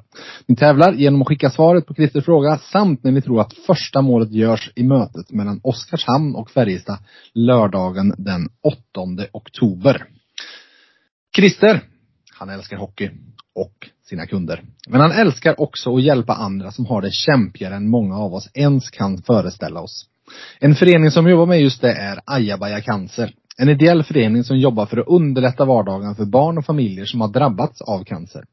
Kristi vill därför skänka, skänka 500 kronor i ditt namn Måns till Ajabaja Cancer och han ger även dig chansen att välja en välgörenhetsorganisation som han skänker en lika stor summa till. Eh, vilken väljer du? Ja, men jag väljer en organisation som faktiskt är belägen i eh, Gävle. Jag vet att Mm. han också har ett hjärta i, i en, en del av Gävle i alla fall. Eh, Ganska stort hjärta. Ja, så är det ju. Nej men jag tänker faktiskt själv också skänka pengar till en organisation som heter Blåklockan, som är en kvinnojour. Mm. Eh, som jobbar för att stötta kvinnor och barn som på olika sätt utsätts för förtryck, våld, hot i nära relationer i framförallt. Och det blev ju en, en, en organisation som fick väldigt mycket uppmärksamhet här i Gävle i samband med de minst sagt tråkiga rubrikerna som fanns kring Brynäs spelare Mm. för ett par Mm. år sedan. Och eh, då var det en, eh, en, kraft, an, en kraftansträngning från Brynäs supportrar som donerade väldigt mycket pengar till just den här organisationen. Och bara för att det inte är en, någonting som är uppe på tal nu så är det fortfarande ett ämne som eh, är otroligt viktigt, som kanske inte får den här uppmärksamheten som eh, det förtjänar i många fall kan jag tycka. Så att det är en organisation som jag eh, ganska ofta skänker pengar till och gärna gör igen. Mycket fint, mycket fint. Med det så ska vi hoppa in på hockey igen och eh, vi ska ta oss till ett blåvitt lag uppe i Dalarna och jag ska börja med ett litet quiz till dig som ju uppenbarligen gillar quiz. Vi ska Oj, oj, prata oj. om en gössehäring. Vad är det för något? ja du, går det att koppla till, är, är det här sporttrivia verkligen? Ja, det är det. Okej, nej då är jag, då, då har du hittat min, min eh, blinda fläck här nu. Mm, då, kan, då, då du, du lä- lämnar det här avsnittet med kunskap du inte gick in i det. Eh, Ja. Jag hoppas att det blir så för lyssnarna och det blir uppenbarligen så för dig också. En gössehäring är en person ifrån Jösse härad i Värmland. Och Jösse härad är alltså Arvika-trakten med omnejd. Så vi pratar då Arvika, Klässbol, eh, Mangskog eh, och upp mot Glava och så vidare. Så eh, där, där är det vi ska hamna och då finns det ju några i, i Leksand. Men jag tänkte inte prata om Jesper Kandegård utan jag tänkte prata om Oskar Lang. Mm. Ja, Häftig säsong i fjol kan man säga. ja. Alltså när han blev uttagen i landslaget där då, efter, efter Leksand hade spelat klart. Visst kändes han som urtypen av en sån där kille som gör sina landskamper i karriären just i de där matcherna mot typ Ja. Danmark eller Norge mitt under SM-slutspelet. Absolut. Det har ju funnits många, till och med betydligt sämre och mindre meriterade spelare än honom som har gjort om, som gjort om landskamperna kan man ju säga. Ja, exakt. Ja. Det är ju verkligen landskamp med en liten asterisk efter. Att Mm. det är liksom, eh, ja, nej, mm, mm. Så därav måste jag säga att det faktum att han sen blev uttagen till VM och än sjukare att han i VM var en av Tre Kronors bästa spelare. Det måste ju vara en av förra hockeysäsongens mest oväntade grejer som hände, eller hur? Ja, absolut. Ja men, alltså Mattias Bromé som snittade över en poäng match i Schweiz satt ju som trettonde forward för att Oskar Lang och eh, Nils Åhman spelade och höll sig kvar i laget trots att liksom William Nylander och gänget kom in, Jakob Petersson kom in under, säsong, under turneringen.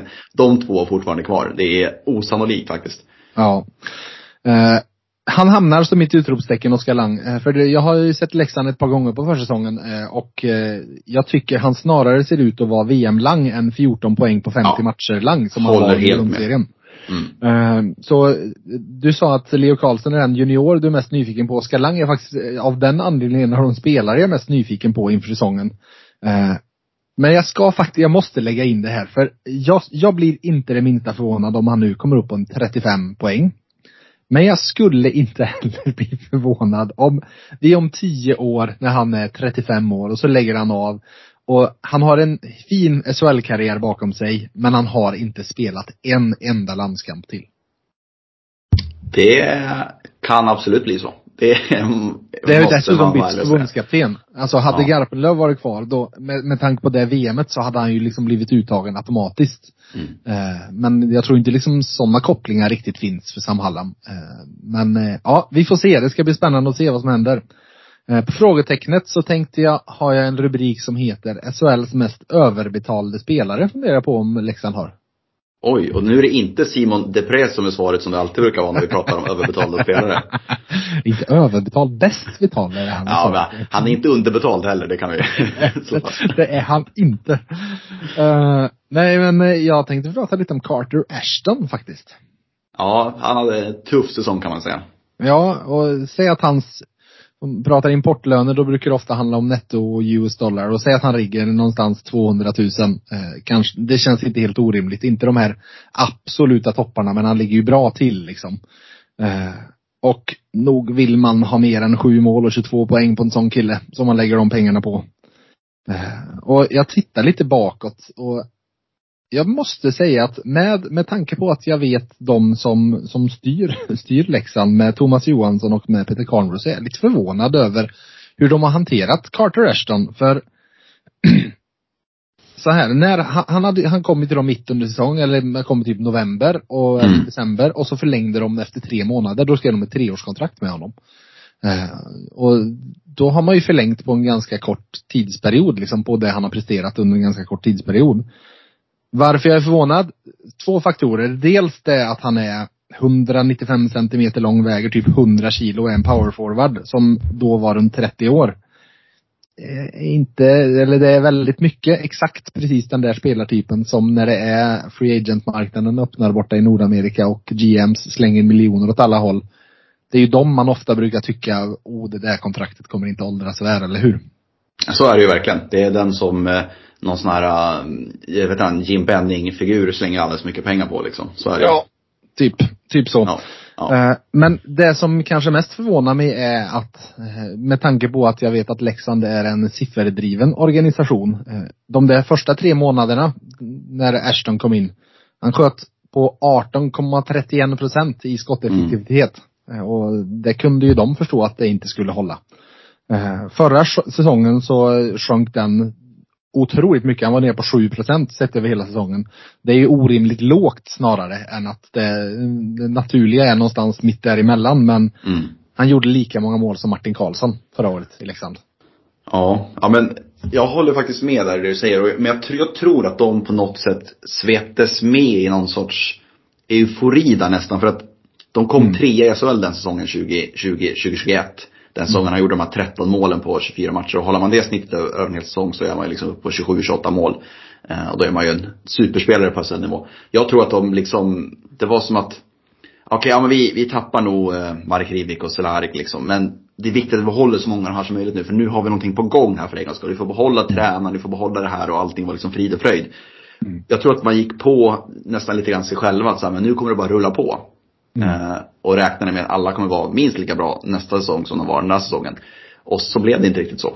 Och det kommer man ju få betala för nu, så är det. Ja, ja, han har två år kvar på kontraktet och mm. han kanske sprattlar till och är lite bättre men jag har ju liksom svårt att tro att han han kommer inte bli mer eh, rörlig och mer eh, effektiv sett till kroppen liksom. Nej, det här är väl en spelare man får hoppas på hamnar i Finland eller möjligtvis om han vill ett av de sämre lagen i KL liksom. Eh, om, det, om han är intresserad av att spela i Ryssland. Det vet jag ingenting om. Men eh, det är väl möjligtvis det. I och med att han ändå har en bakgrund i KL. De brukar ganska lätt få kontrakt igen. Även om man kan tycka att de inte riktigt håller den nivån. Typ Andrew Calof som fick ja. det nu exempelvis och sådär. Ja, exakt. Eh, en sista liten eh, sån där. Man hade ju kunnat haft invändningen till oj, men det här är ju en slutspelskille. Det är ju slutspel han ska vara som bäst. Det är ju då. Mm. Nummer ett har inte gått så bra för Leksand i slutspel totalt sett senaste åren. Men nummer två ett mål på sju slutspelsmatcher har han gjort. Noll, en poäng totalt, ingen assist. Mm. Den faktorn kan vi också räkna bort. Varpå jag säger, var åker vi i nu i Sverige när du ska ta ditt femte lag Måns? Ja, men vi bryter traditionen lite grann. Jag brukar alltid avsluta med Färjestad. Men jag tänker väl att som en hyllning till deras SM-guld här nu så kör vi dem som nu, eh, som ett mittenlag här nästan. Ja men det är fint. Det är fint. Ja. Så att vi går helt enkelt till de svenska mästarna Färjestads Försvara, BK. försvarande. Nej, just det. nej, de är ju inte försvarande. Nej. Nej, precis. Nej, men de, eh, ja, de, de vann SM-guld i våras kan vi väl säga då. Eh, Så, Mm, så det är- gjorde de. Korrekt. Ja, det. Ja. Nej, men vi börjar med utropstecken tycker jag. Mm, mm, Och ja, det var väldigt mycket kritik mot många av Färjestads ledande spelare i fjol, med all rätt. Det var väldigt få som var bra en hel säsong. Det var väl Joakim Nygård och Gustav Rydahl kanske. mm. Någon, någon mer. Eh, Wiksten kanske kan räknas in där. Men Linus vet ju Johansson skulle ändå ta mer åt det hållet än eh, Wiksten faktiskt. ja, det kanske har en, har en poäng. Eh, men trots det, och vi vet ju att alla de spelarna som underpresterade förra året har mer i sig. Om de håller den nivån en hel säsong, så enkelt är det ju. Och med det sagt så är det ju starkt att en svensk mästare ändå får behålla topp fyra i interna poängligan från förra säsongen. Jag tror inte det är jättevanligt. Eh, sen finns det ju orsaker till det, att de är uppe till åren, de flesta av dem. De har gjort sina år, de som har velat ha gjort sina år utomlands. Eh, alla fall, alltså framförallt Nygård och eh, Marcus Nilsson då, har ju gjort försök.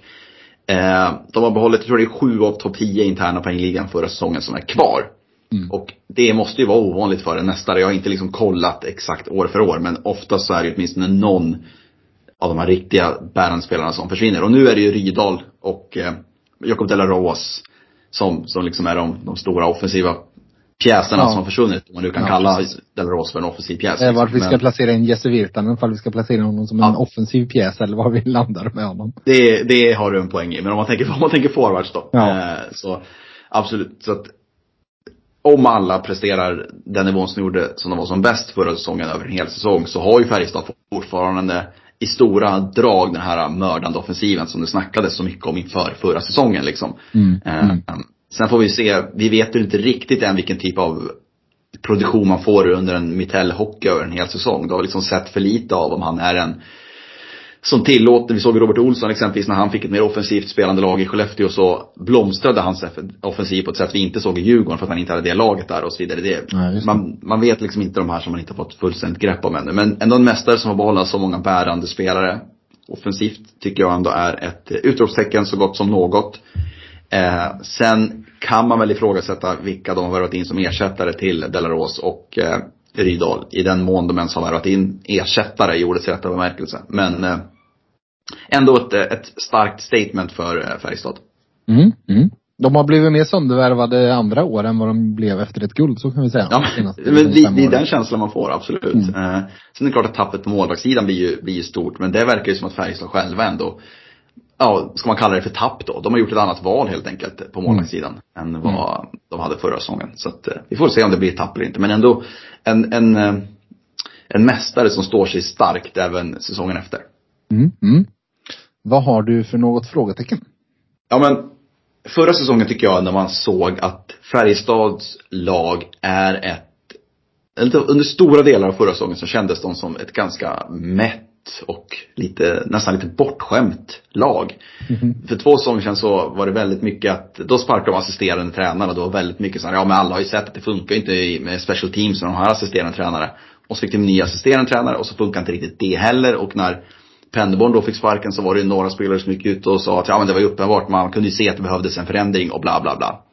Eh, får lite vibbar som man får av Malmö FF i fotboll, att det är liksom att Först gnällde de på att det var för hårda träningar under Milos Milojevic och sen när Andreas Georgsson tog över så var det för slappa träningar. Det är liksom alltid, de sköt över problem på någon annan. Sen kom ju Thomas Mitell in och fick in Peppe Lund, Linus Johansson blev lagkapten och det var som att någonting hände och det där är ju liksom dokumenterat hundra gånger om och kommer ju liksom bli bli dokumenterat för all framtid, den vändningen som Färjestad gjorde på säsongen. Men det vi inte vet än är ju hur de svarar på Thomas Mittells eh, kanske lite hårdare kravställning, lite mer disciplinerade hockey. Hur klarar de av det en hel säsong? Har de karaktärerna i Färjestad för att orka det över 52 omgångar? Eller var han liksom en perfekt person att få in i, vad var det, januari, februari där? Eh, och ha under några månader, få ut max av det här laget, se till att de vann SM-guld. det vet vi inte riktigt ännu. Eh, sen kan det bli, som vi såg i, i eh, om man ska ta ett exempel här lokalt med, med Brynäs, så fick ju Thomas Berglund ett väldigt snabbt eh, lyft för Brynäs under en vår. De valde att förlänga med honom, man kände liksom, aha, Brynäs är också ganska bortskämda laget med många lirare som inte riktigt gör det här jobbet. Hur kommer de klara av det? Då visade det sig att det blev jättebra och han fick ut precis max av, av allting liksom. Ja, Eh, exakt. så att det kan ju gå lite båda, båda vägar där och vi får ju se helt enkelt om de om de, för det blir någon kontrast att ha haft, haft Penneborn i ganska många år. Eh, och det är många av de spelarna som är i truppen nu som även har varit med under ganska många år och haft honom under flera år också. Eh, och gillat honom också, ska vi till stor del säga. Jag tror att spelarna har säkert varit drivande i att han ändå blev kvar så pass länge som, som han blev. Men ja, det, det är ändå ett frågetecken jag har. Och, eller snarare någonting jag är väldigt nyfiken på att se om eh, de här karaktärerna, Linus Johansson och de här, om de orkar driva med sig övriga laget över 52 omgångar med Mittells eh, ledarskap och hockey. Mm. Det ska bli väldigt spännande att se vilken sorts hockey han vill spela med dem. Eh, För att Ja. det var ganska tydligt att det var en ganska pragmatisk hockey som de körde i slutspelet där de anpassade sig ganska mycket beroende på vilket motstånd det var. Det handlade om att Mm. vinna den slutspelserien. Ehm, Så, ja, det, som du säger, det, det för, för att ha vunnit guld med laget så vet man väldigt lite om honom. Ja, ja men man gör ju det. Och det är ändå hans första huvudtränarjobb i SHL. Liksom också. Så att det, det är inte säkert bara för att man har gjort det bra i, i Hockeyallsvenskan och att man har haft mer erfarenhet från, från NHL. Det är inte säkert att det funkar i, i SHL. Men det känns ju, som sagt, det är dumt att sitta och vara kritisk till honom när han liksom slår ut ettan, tvåan och trean och vinner SM-guld i slutspel. Och de fick ju det här laget att spela sin bästa hockey. Vad sa du? Något har han. Ja men absolut, det går inte att säga någonting annat men vi vet inte hur han är över tid och jag vet inte hur spelartruppen svarar på att ha haft honom under en försäsong och ha honom från september till april. Ehm, och se hur de klarar av att prestera då. För det är ju ändå ganska stora drag, liknande spelartrupp i år som de hade förra säsongen. Mm, mm. Du, vi hoppar vidare från Färjestad och jag ska prata om Brynäs lite senare men redan nu är det dags att säga grattis Brynäs. För det har pågått en intensiv kamp med Brynäs inblandade hela sommaren. En kamp som ni förlorade och jag tror ni därmed gick vinnande ur kampen om Leo Komarov. Vad säger du? Nej men eh, det är bara att skriva under och eh, jag skrev lite tweets där när det ryktades som kommer och var väldigt skeptisk. Då fick jag ganska snabbt ganska många Brynäs-supportrar eh, som hoppade på där och var ganska kritiska till att jag var så pass kritisk. Men jag tror ju nu att med facit i hand så tror jag att de ska vara väldigt glada över att han hamnade i, i eh, Luleå faktiskt. Ja, för det är Luleå jag ska prata om eh, och eh, mitt frågetecken i Luleå är alltså då Leo Komarov. Ja, så här, jag hade förstått värvningen lite mer ur Brynäs perspektiv.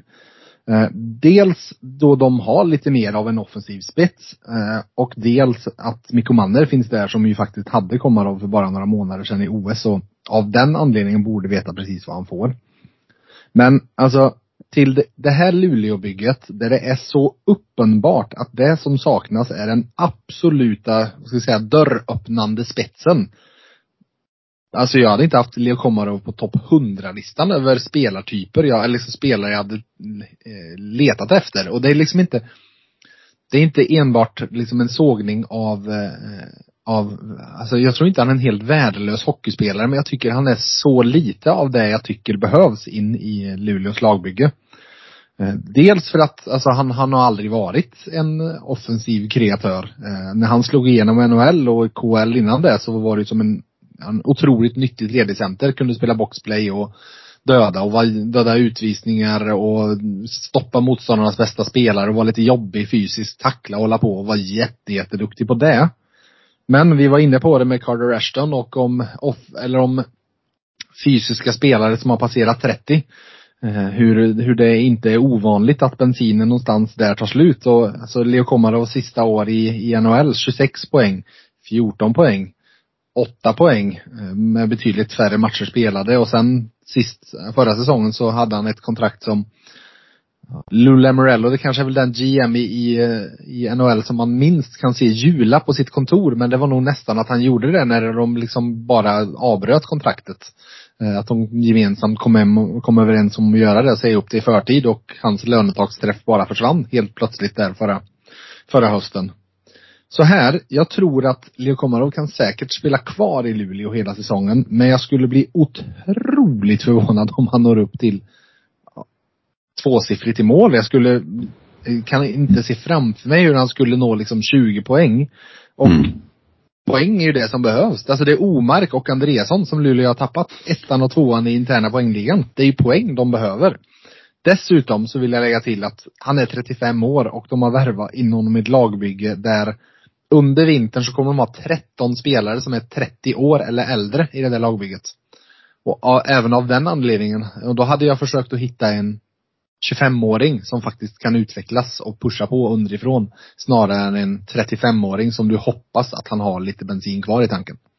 Ja, och jag håller ju med och i egentligen allting du säger och ska jag hitta någonting positivt för Luleå med den truppen de har, framförallt den forwardsidan de har, för backsidan är ju topp, toppklass i SHL.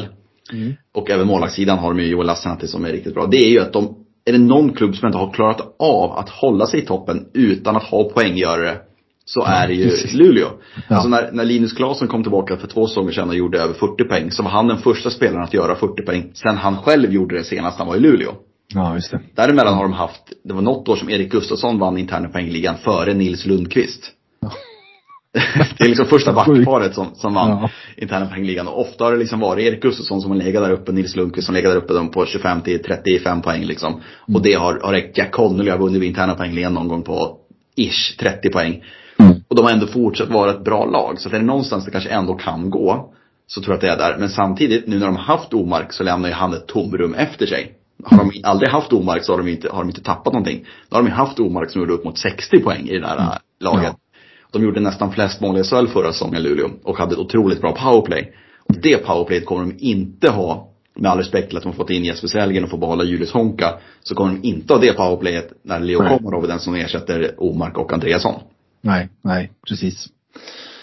Eh, jag ska ta ett utropstecken i Luleå såklart och nu ska jag smöra för Luleå-fans. Nej, jag ska, det är publiken jag måste säga för att så här, jag är ytterst tacksam för det jag faktiskt fick uppleva uppe i Luleå i våras på plats. Eh, en uppvisning i supporterskap, en uppvisning i hjärta för klubb och för landskap, region, vad ni säger, vad, kallar det vad ni vill. Men alltså så här lite Färjestad 2019 kändes det som att de var ett då när de åkte ut i sjunde avgörande semifinalen mot, mot Djurgården. Det var, det var ett lag som, det var ett guldlag som aldrig vann. De hade kunnat vunnit guld i året, tror jag.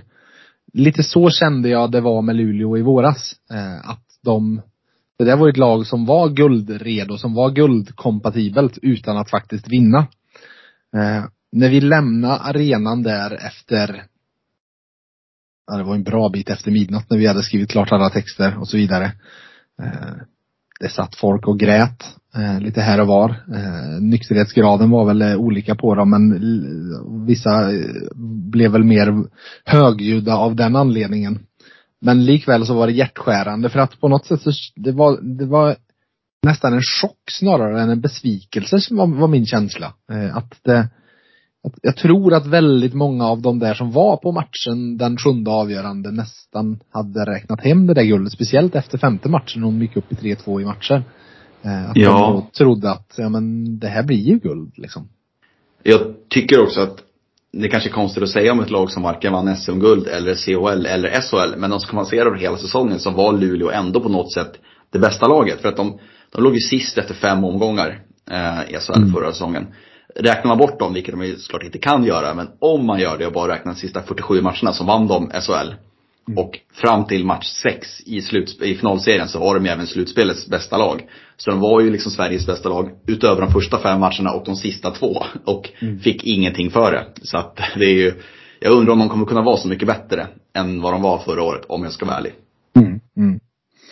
Men oavsett så ska jag säga, livet handlar om upplevelser och eh, jag vet, jag, jag vet faktiskt inte om jag någonsin har upplevt en större eufori i en, eh, på en idrottsarena än vid Einar Emanuelssons mål där uppe i finalserien.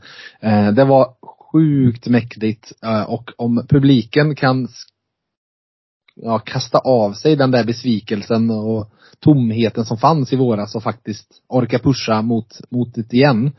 Så eh, tror jag väldigt mycket är vunnet för att det var en speciell hemmaborg att ta sig in i. Eh, som, som kommer att ge laget poäng om de, om de orkar hålla den nivån även i vinter. Lag nummer sex för dig då Måns. Var är vi på väg då? Vi sticker till Göteborg faktiskt. Och eh, går till Frölunda HC som de väl heter. Eh, eller Frölunda Hockey, vad är det? Det är inte, Indiens är ju helt borta i alla fall. Det är Frölunda HC som gäller nu va? Ja, det är det väl. Vi kör VF, tycker jag. Ja, precis. Vi kör VF. Och vi kan väl börja där. Jag, jag tycker ändå att klubb, nya klubbmärket ändå är helt okej faktiskt måste jag säga. Det, Ja. det, man får inte säga antingen, antingen måste man tycka att det är fem plus eller minus. Men jag tycker att faktiskt att det är helt okej. Vad tycker du om tröjan då?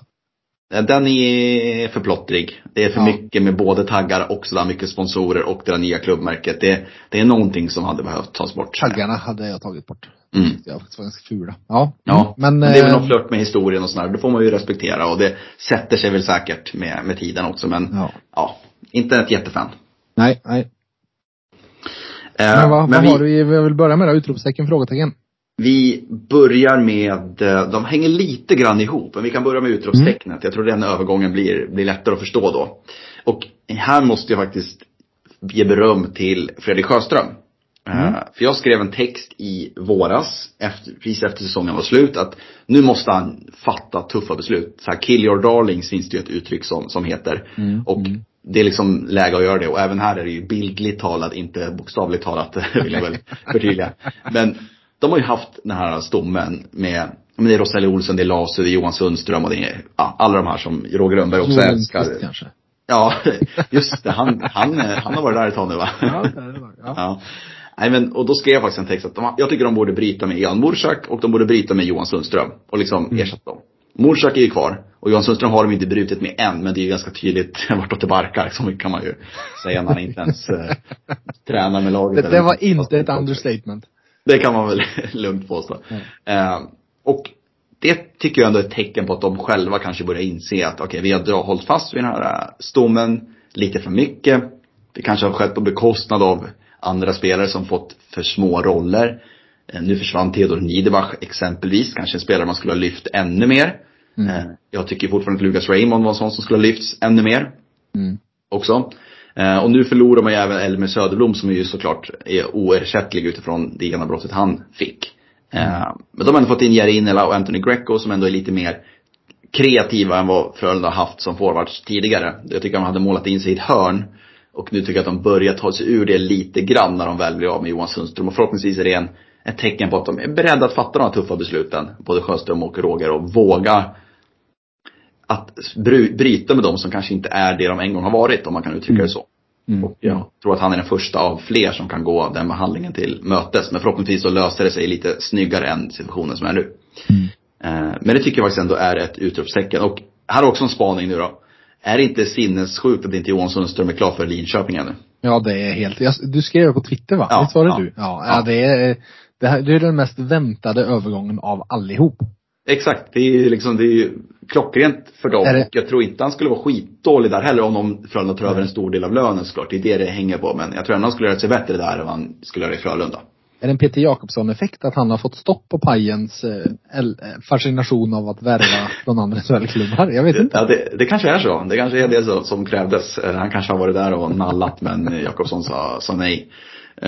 Men ja, det är ju väldigt Linköping-osande värvning får man ändå säga. Ja, Jag var inne på det i Färjestads centerjakt här att om de inte skulle få napp på någonting Mm. som de verkligen ville ha utifrån så tyckte jag att de, då hade det varit bättre att plocka in Sundström och säga att de tar 100 000 av lönen och fortfarande behålla löneutrymme kvar Mm. för att kunna agera senare och chansa. För att Alltså han är inte 35 år. Det borde ju faktiskt kunna gå i en annan miljö, i en annan omgivning, med nystart att faktiskt få ut lite vettig hockey ur den där kroppen. Ja, det man undrar är ju ifall det är Frölunda som inte vill att han går till det, de, någonting som de ser som en rival. Ja. Alltså att de kanske inte, de kanske inte skulle ha något problem att släppa dem till Malmö.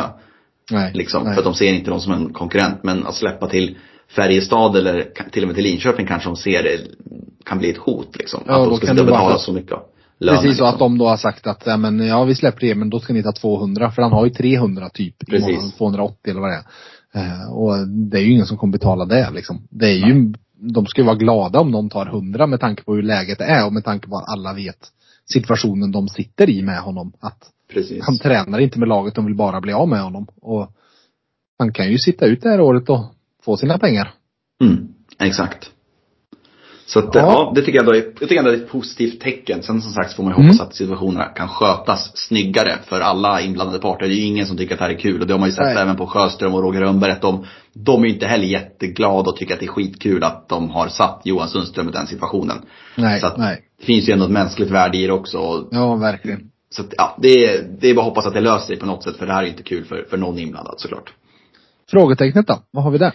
Ja men där har vi ändå centersidan, ironiskt nog. Eh, för att nu på försäsongen och även när jag satt upp mitt potentiella Frölunda-lag här så är det Patrik Karlsson, Joel Lundqvist, Jakob Nilsson, Niklas Lasu som är de fyra centrarna. Eh, är det en centersida man vinner SM-guld med 2023? Ingen första center skulle jag säga. Nej, de har ju. Precis, de har väl egentligen en, ja men kanske ett par andra centrar, någon tredje center och någon fjärde center kanske Mm. liksom. Mm. För jag tror inte att Niklas Lasu är så mycket mer än en fjärde center numera. Nej. Jag tror inte Joel Lundqvist är så mycket mer än en tredje center. Det ska man nog vara glad om man förutom en 40-åring med den spelstilen han har. Mm. Mm. Eh, Patrik Karlsson är alltid gedigen.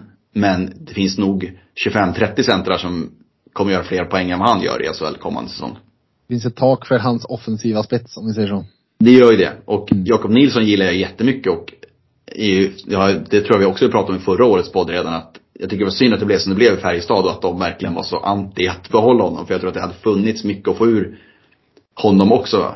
Och det såg vi i Frölunda de få matcher han hann göra, att han har ju kvaliteter. Och, eh, sätt honom i rätt omgivning så tror jag att han kan göra 15-20 mål i SHL liksom. Eh, absolut. Och, men är han en spelare som leder en kedja, den rollen ser jag inte riktigt hos honom ändå. Eh, Han är lite mer gubben i lådan. Han är, han är mer Lillis än Linus Johansson om vi ska ta Ja, men- på det spektrat. liksom. Precis, och jag tror liksom inte han är en första center i ett guldlag heller. Utan jag skulle då hellre kanske få ut honom på en vinge med, med Ryan Lash och få in en mer tydlig spetsforward liksom. För då tror jag att han, han funkar jättebra och kommer kunna göra sina poäng. Så att den undrar jag om den håller. Det känns som att Patrik Karlsson, Joel Lundqvist, Niklas Lasu, de var, var väl deras centra när de vann guld 2005 typ. Det är den känslan man, man får. och eh, jag tror att även där kanske det ändå är lite läge att börja tänka lite nytt från Fredrik Sjöström och Roger Rönnberg. Och eh, jag hade gärna sett att de byggde centersidan lite annorlunda. För egentligen bara det som gör att jag inte har dem som min guldfavorit till kommande säsong faktiskt. Då tar vi oss och åker från Göteborg och hem till Måns. Hem till Gävle och Brynäs. Trevligt. Ja, du är så välkommen. Ja, tack, tack. Jag ska sparka in en öppen dörr på utropstecknet. Oj, oj, oj. Johan Larsson är min etta på lista över SHLs bästa värvningar inför den här säsongen. Mm. Svårt att argumentera emot det faktiskt. Ja.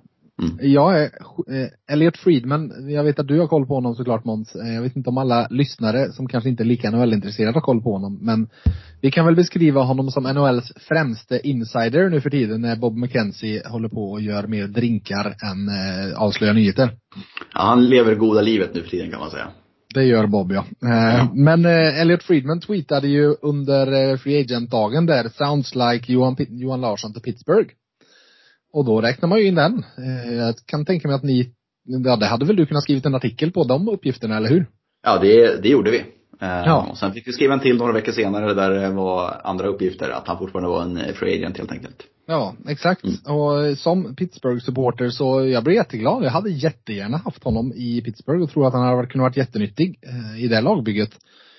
Och jag kan inte riktigt, eh, se ifall du kan hjälpa mig att, att förklara det här. För alltså en spelare som vid trade deadline för bara några månader sedan, han gick för ett tredje rundeval, fick Washington betala eh, till Arizona för att få in Johan Larsson. Att det sen slutar med att han liksom inte får något kontrakt. Jag vet inte, hamnade han i det här eh, Nassim Kadri eh, vakuumet som ju blev, vi kände som i hela NHL när den som fanns högst upp i rangordningen inte skrev på någonstans. Då kunde inte alla under skriva på. Det, så hände ingenting. Eller vad, vad hände egentligen? Ja, det där är en väldigt bra fråga för att jag har hört lite olika uppgifter. En uppgift jag har hört är att det här Pittsburgh-ryktet ska ha varit att äh, de var också lite sugna på att ta in honom typ på tryout liksom. Alltså att det fanns, det var den typen av grejer. Och när han då kommer från sitt livssäsong, han är 30. Han har precis efter tio års kämpande fått göra sina första slutspelsmatcher i NHL. Han har ju bara spelat i skitlag hela sin karriär. Fram till han hamnar i Washington ett par månader. Då förstår jag att då kanske han är ute efter någonting mer. Då kanske han är ute efter ett treårskontrakt med, inte vet jag, 1,75 miljoner i lönetagshäft Ja, åtminstone ja. liksom. Och vet att han är tredje, fjärde center. Men att det inte riktigt kom, och i alla fall inte från rätt lag. Eh, Mm. Så att, men det var ju en otrolig chock. Jag hade trott mer på Johan Larsson till Brynäs för ett år sedan och om ett år än vad jag gjorde nu kan jag ju säga. Ja. Ja, nej den känns som att den den var väldigt oväntad utgången på hela, hela grejen. Eh, Mm. Men grattis Brynäs som får hem en komplett spelare eh, som på SHL-nivå är jag helt övertygad om att man även kommer eh, kunna producera en hel del poäng och inte bara likt som han i varit i NHL senaste åren varit en, en högklassig defensiv spelare. Eh, Och Nej. jag tänkte, ja sa du? Nej men jag tänkte bara man kan jämföra med Jakob Delaros. Så har ju Johan Ja. Larsson både varit bättre defensivt och offensivt än Jakob Delaros. Och då har ändå Ja. Delaros sett som en, han var ändå med i OS på sina defensiva kunskaper och fick ju otroligt mycket beröm i slutspelet för hur han eliminerade eh, Linus Omark. Och då är ändå Johan Larsson minst en hylla över kan man ju säga. Om man ska jämföra den, de två. Absolut, absolut. Jag säger ett sista grattis och det går till Sam Hallam som har Tre Kronors fjärde center på VM klar för kommande tre åren. Jaha. Eller hur? Ja det är ju känslan man får, absolut. Frågetecken. Eh, då, generellt sett så måste jag säga att jag är lite glad över att Brynäs, vad ska vi säga, att de har vaknat till liv. Visst, finalförlusten 2017 finns där. Men annars är det ju 10, 10, 10, 11, 12, 13 och 10 som är Brynäs placeringar de senaste åtta åren. Eh, och ja, det, det, var en, det har varit en ganska tydlig trend, så kan vi väl säga. Eh, om vilken del i tabellen de har varit i. Eh, nu fattade man att det var försvaret som behövde totalrenoveras. Eh, det känns som att ett par OS-backar och Johannes Kinnvall ska väl räcka ganska långt till att, att strukturera upp det. Eh, men ska jag ta ett frågetecken på Brynäs så blir det lite likt det du sa om Linköping faktiskt. Om ungdomarna. Mm. För min bild av Brynäs är ju som en talangfabrik. Alltså någonstans från Bäckis vidare till Silverberg, Järnkrok, den nu hemvändande Larsson, Lindblom, Jos, Lukas Karlsson, Jesper Adam Bokvist och så vidare. Men den senaste egenfostrade killen som vart 20 år och gjort över 10 poäng i Brynäs en säsong, det var just Lukas Karlsson och Jesper Bokvist. Och det är en, jag tror typ fem år sedan. Eh, Det känns som att de har stått och stampat lite de senaste åren. Alltså alla de här Birgersson, Ljungcrantz, Kvist och så vidare. Eh, Och tittar jag på Brynäs forwardsida nu så krävs det verkligen att någon av de där två, eller de där tre, tar ganska stora kliv i, i eh, vinter. Och om jag får lägga in en liten eh, syrlig kommentar på slutet, speciellt när man är ute och halvtigger pengar för att man inte kommer ha råd med elen i tider när alla kommer ha jobbigt med elräkningar. Så skulle det rimma lite illa att först göra det och sen hålla på och värva en massa. Så jag tror det vill till att någon, någon eller några av de där unga faktiskt börjar ta lite kliv. Jag håller helt och hållet med och de har ju spelat som eh, fjärde kedja under försäsongen. Just om du nämner Birgersson, Kvist och eh, Ljungcrantz. Eh, Mm. Så att de är ju liksom som en kedja. Den som ändå ser ut att ha tagit litet kliv, det är faktiskt Alexander Ljungcrantz. Eh, Han ser ändå ut att fått ut lite mer av sin offensiv. Birgersson och Kvist, de är ju inte tillräckligt bra på skridskorna eller bra med klubba och puck för att bli liksom någon poängspelare i SHL. Det törs jag lova. Det tåget har gått liksom. Så det är Ljungcrantz som har den lilla, lilla uspen om man får säga. Sen vet de tror väldigt mycket på en kille som heter Noel Nord som spelar i eh, juniorlaget som född 2005. Ja, okej. Eh, lika gammal som Theo Lindstein. Theo Lindstein är ju, han är ju den stora talangen nu liksom och Ja. kommer nog kanske få starta på sex eller sju backar till och med. Eh, som det ser ut. Men backsidan som sagt som du är inne på, den ser ju bredare ut redan utan honom så att säga. Men det är väl Noel Nord som kan komma in men det är väl för mycket begärt av en 05 att man ska stå och förlita sig på att han ska spela sig in i laget liksom. Det, det är ett vågspel om det är så de eh, resonerar. Mm. Men då måste jag säga, ifall det är så de, de placerar dem så tycker jag de gör lite av det här generalfelet som så ofta görs för Mm. unga. Att du slänger alla tre i en fjärde kedja. Det kommer inte hända någonting. Nej, Alltså de, Nej jag och, och jag vet inte, är de, är de bra på den rollen de kommer att få där då? Att, för du vill ju gärna att en fjärde kedja kanske inte bara ska kunna möta motståndarnas fjärde kedja utan att de faktiskt ska kunna i alla fall plocka bort en andra formation i motståndarlaget för att ge lite lättare matchups. Eh, ja, jag, jag tror de kanske har fastnat där lite. Att det, de unga måste faktiskt få ges chans, säras på för det första och ges chansen lite bättre omgivning för att kunna blomma så de inte stannar på 1 plus 4 allihop igen när säsongen är över. Precis, och det, om man ska ta någonting positivt i det där så är det väl att det är den typen av spelare man kan få behålla över tid. Ja, över tiden. ja. Att om de tar steget och blir, ja men säg att de blir Linus Ölund bra någon av dem, så vet de att då har de i alla fall en tredje center säkrat för många år framöver liksom. Men som fjärde kedja betraktat så håller den ju inte i SHL. Det är bara att eh, konstatera. Inte över 52 omgångar i alla fall. Nej, alla andra lag kommer vara superlyckliga om de får in någon av sina toppkedjor mot dem. Så är Ja, det. men exakt, exakt. Du, du har bara ett lag kvar Måns. Så var är det du tar oss sist på denna SHL-resa genom Sverige? Vi åker till Västerbotten, till Mm. mm. Skellefteå AIK. Eh, som förra säsongen var ett av de bästa lagen både offensivt och defensivt faktiskt. Eh, man får Mm. säga att Robert Olsson fick, ja men som vi var inne på tidigare, när han hade ett mer offensivt viktat lag så visade han att han kan spela offensiv hockey också och inte bara den här tajta defensiven som han har gjort väldigt bra i, i Djurgården.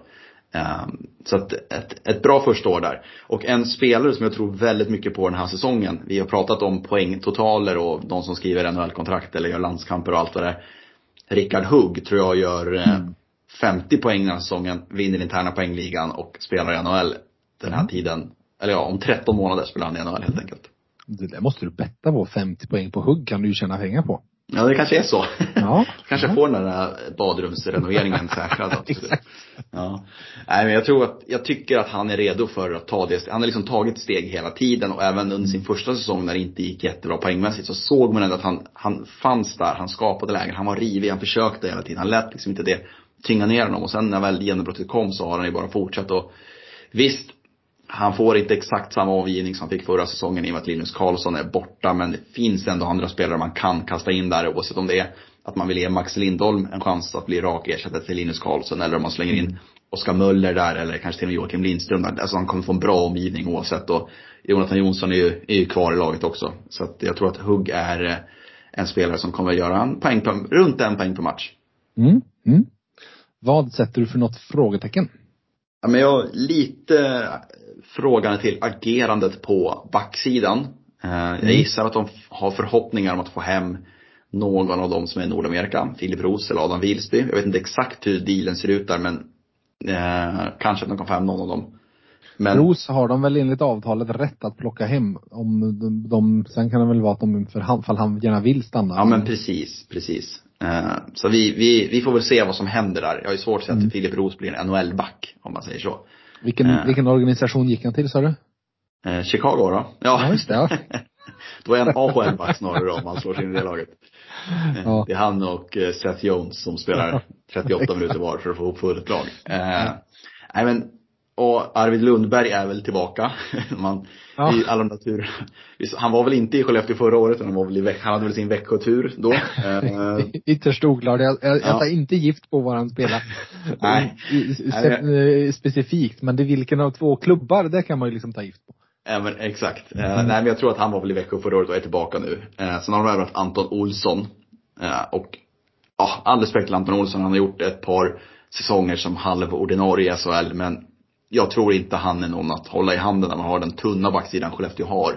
Eh, som det är nu så ska de ju liksom ha två av Anton Olsson, Måns Forsfjäll och eh, Elias Salomonsson på sex backar. Eh, och av dem Varför kanske förlängde de inte med Kepla? Jag har aldrig riktigt Ja, det är, det är lite det jag är inne på här också. Att deras agerande överlag är väldigt konstigt i och med att de uppenbarligen inte haft ersättare klara. Mm. Att Filip Roos skulle försvinna var det ändå snack om ett tag innan han faktiskt försvann. Jag gissar att Skellefteå visste om det innan Mr Maddock, eller vem det nu var som avslöjade den övergången, att de ändå hade det på känn innan dess. Mm. Så att det har funnits tid att göra någonting bättre. Sen absolut, Måns Forsfjäll, JVM-back, Anton Olsson, JVM-back, Elias Salomonsson, blivande JVM-back. Det finns talang där. Men att ha ett backpar, lite var inne på med Brynäs där, då kommer de ha ett backpar som inte är redo fullt ut att spela i SHL 52 omgångar. Eh, och Arvid Lundberg gjorde också en, sämre säsong förra året än vad jag vant oss vid. Han tog ett steg bakåt och i den här backbonanzan som har rått här på eh, spelarmarknaden så tror jag att han också kommer falla ner lite grann i hierarkin. Så att det är ju Jonathan Pudas de har. Och han är ju fortfarande kanske topp tre back i SHL liksom. Det går att argumentera för trots alla stjärnvärvningar. Men jag tycker att de 28 agerar konstigt. Ja, typ. Ja, det måste bli så. Så att, och han har ju också varit lite skadad nu på försäsongen. För hade den skadan kommit en månad senare, då är det ju, då vinner de ju inte en match liksom, om man ska vara Nej. hård. Nej, nej, nej. Visserligen Gustav Lindvall kan ju rädda upp ett försvar i vissa matcher, absolut. Men jag tycker de har agerat konstigt faktiskt och att de borde ha gjort ytterligare en, liksom bara en, vad ska man säga, en, eh, en förstärkningsförstärkning på något sätt. Bara för att stärka upp att ifall det händer någonting. Ja, ja, precis. en extra vakt där. precis. Försäkring kan man kalla det för. Förlängt med Kepla kanske. Det hade ju Ja. liksom, det hade räckt ganska långt faktiskt. Absolut, absolut. Då har vi bara ett lag kvar. Och det är Timrå. Och du har pratat lite om backar och nu ska jag ställa en fråga till dig. Kan det här vara det mest framtunga SHL-laget någonsin?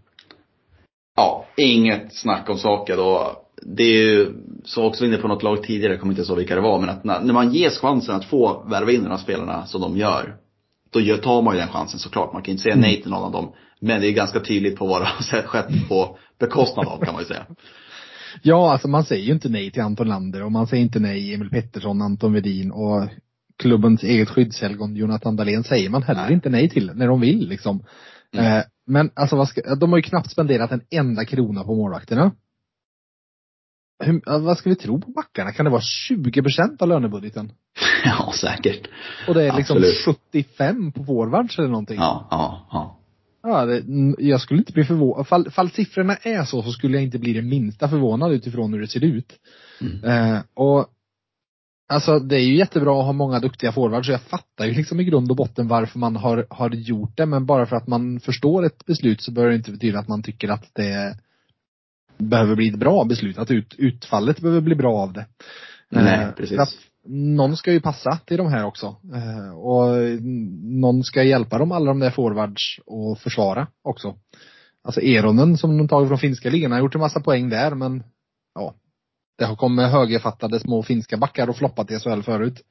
Stenqvist känns ju spännande men eh, han är ju typ försteback i det här laget. Eh, och Ja, är han redo för det liksom? Eh, har väl lite, nu ska vi se, han var ju Björklöven innan han gick till Finland och KHL, Mm. hur? Så han har väl Mm. inte spelat SHL heller, trots allt. Nej, precis. Och lite grann som jag var inne på med, med Joakim Ryan där, om jag ska eh, bryta in att så här, ett normalt år är ju han en jättebra back i SHL. Men Ja. nu när man ser vilka alla andra lag har fått in så står sig den värvningen ganska slätt om man ska vara ärlig. Ja, ja men det gör ju det. Och sen då har vi, vi har inte benämnt Joe LaLeggia och hans 38 poäng och minus 23. Det är ju ett kapitel i sig liksom. Nej. Förresten, han ska ju bokföras som forward han. Han kan ju inte bokföras som back i den här eh, sammanräkningen. Så då är vi ändå på ännu starkare framtunghet i laget, eller hur? Mm, mm. Absolut, absolut. Jag har en spaning. Varje match Timrå vinner i vinter blir med 5-4. Ja, det ligger nog någonting i det kan man säga. Eh, så att, eh, ja, de kommer bli roliga att titta på i alla fall. Det, Ja, det- kommer de vara. Ja, men jag tror de, de kan nog dra en del publik faktiskt. Mm. Jag ska hoppa på utropstecknet eh, och eh, vi börjar med en liten kärleksbombning av Robin Hansel som är en spelare jag är otroligt svag för. Han förlängde ju med Timrå typ omedelbart på isen efter de hade säkrat nytt kontrakt. Så jag vet inte om han ens hann ut på marknaden men han hade varit ett fem plus namn för Färjestad att få in i deras centerjakt och få in den eh, kreativiteten och komplettheten han står. Eh, spaning till. Jag har många sådana idag. Extra skönt för hans. Du vet, han har tvåårskontrakt nu med Timrå. Så han är 35 när det går ut. Då har han ju liksom 10 år kvar i tjeckiska ligan. ja, Det är underbart. underbart. Till sist. Med Per Svensson är den sista jag vill prata några ord om. Eh, både du och jag Måns gillar ju fantasyhockey och då vet man sannerligen värdet av spelare som tacklas. Jajamän. Vinner man, som Per Svensson gjorde, tacklingsligan genom att göra 35 procent fler tacklingar än tvåan Oskar Engsund, då förtjänar man evig Oj. respekt. Ja, det är riktigt fint. Han gjorde ju lite kassar också. Och det, det gjorde även Oskar Engström i och för sig, så han kanske hade varit ännu bättre fantasyback. Men det är ju två, två kanonnamn faktiskt. Eh, och apropå, apropå det du sa om Hansel också. Det är ändå ett tecken på att Timrå är lite annan klubb än exempelvis Oskarshamn. För han är ju en spelare som om Oskarshamn hade haft honom så hade han hamnat i Växjö eller Leksand eller något sånt där efter den där säsongen Ja. han gjorde i fjol.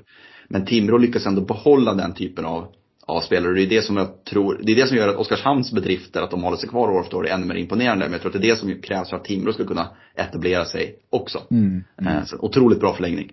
Ja, ja, absolut. Sen kan man ju i efterhand fråga sig om Alltså, om man nu skulle tacka ja till alla de här som ville komma Nej, hem. Då precis. kanske man inte egentligen skulle ha gjort den förlängningen utan lagt ja, 250 000 i månaden på en toppback. Då hade det ju sett Absolut. ännu starkare ut, så sett. Mm. Ja, är vi klara där eller? Ja. Det, Ja. har- hur, många, hur många timmar har vi kvar till vi bräcker rekordet? Vi måste nog hålla på och prata i en 45 minuter till så att du får dra ut på tävlingen nu riktigt, riktigt mycket. Ja, jag får göra det. Jag får göra det. Nej, vi ska ju såklart avsluta med en tävling. Du ska få eh, ledtrådar på 10, 8, 6, 4 och 2 poäng om du så behöver. eh, Där vi är ute efter en hockeypersonlighet. Eh, Är du redo Måns? Ja, jag är redo. Jag känner press eftersom att jag har sagt att jag är bra på sporttrivia och eftersom att jag tog både Brock Little och Kristoffer Näslund på åtta poäng. Så Mm. är det det- där någonstans jag sätter skamgränsen för mig själv nu. Ja. Mm. Vi tar och startar. På 10 poäng. Den 29 september fyller personen jag söker 50 år. Ah! Slut på ledtråd. Skrattet ska jag säga var ingen ledtråd. Det var bara jag som skrattade åt mig själv att jag en så Okej. otroligt Okej. kort ledtråd. Okej, ja men eh, ja, jag, jag behöver faktiskt eh, en till här. Du behöver en till. Mm. På 8 poäng. Måste i vinter åka bort för att komma hem. Där han är en av åtta. Har bott i Europas högsta stad.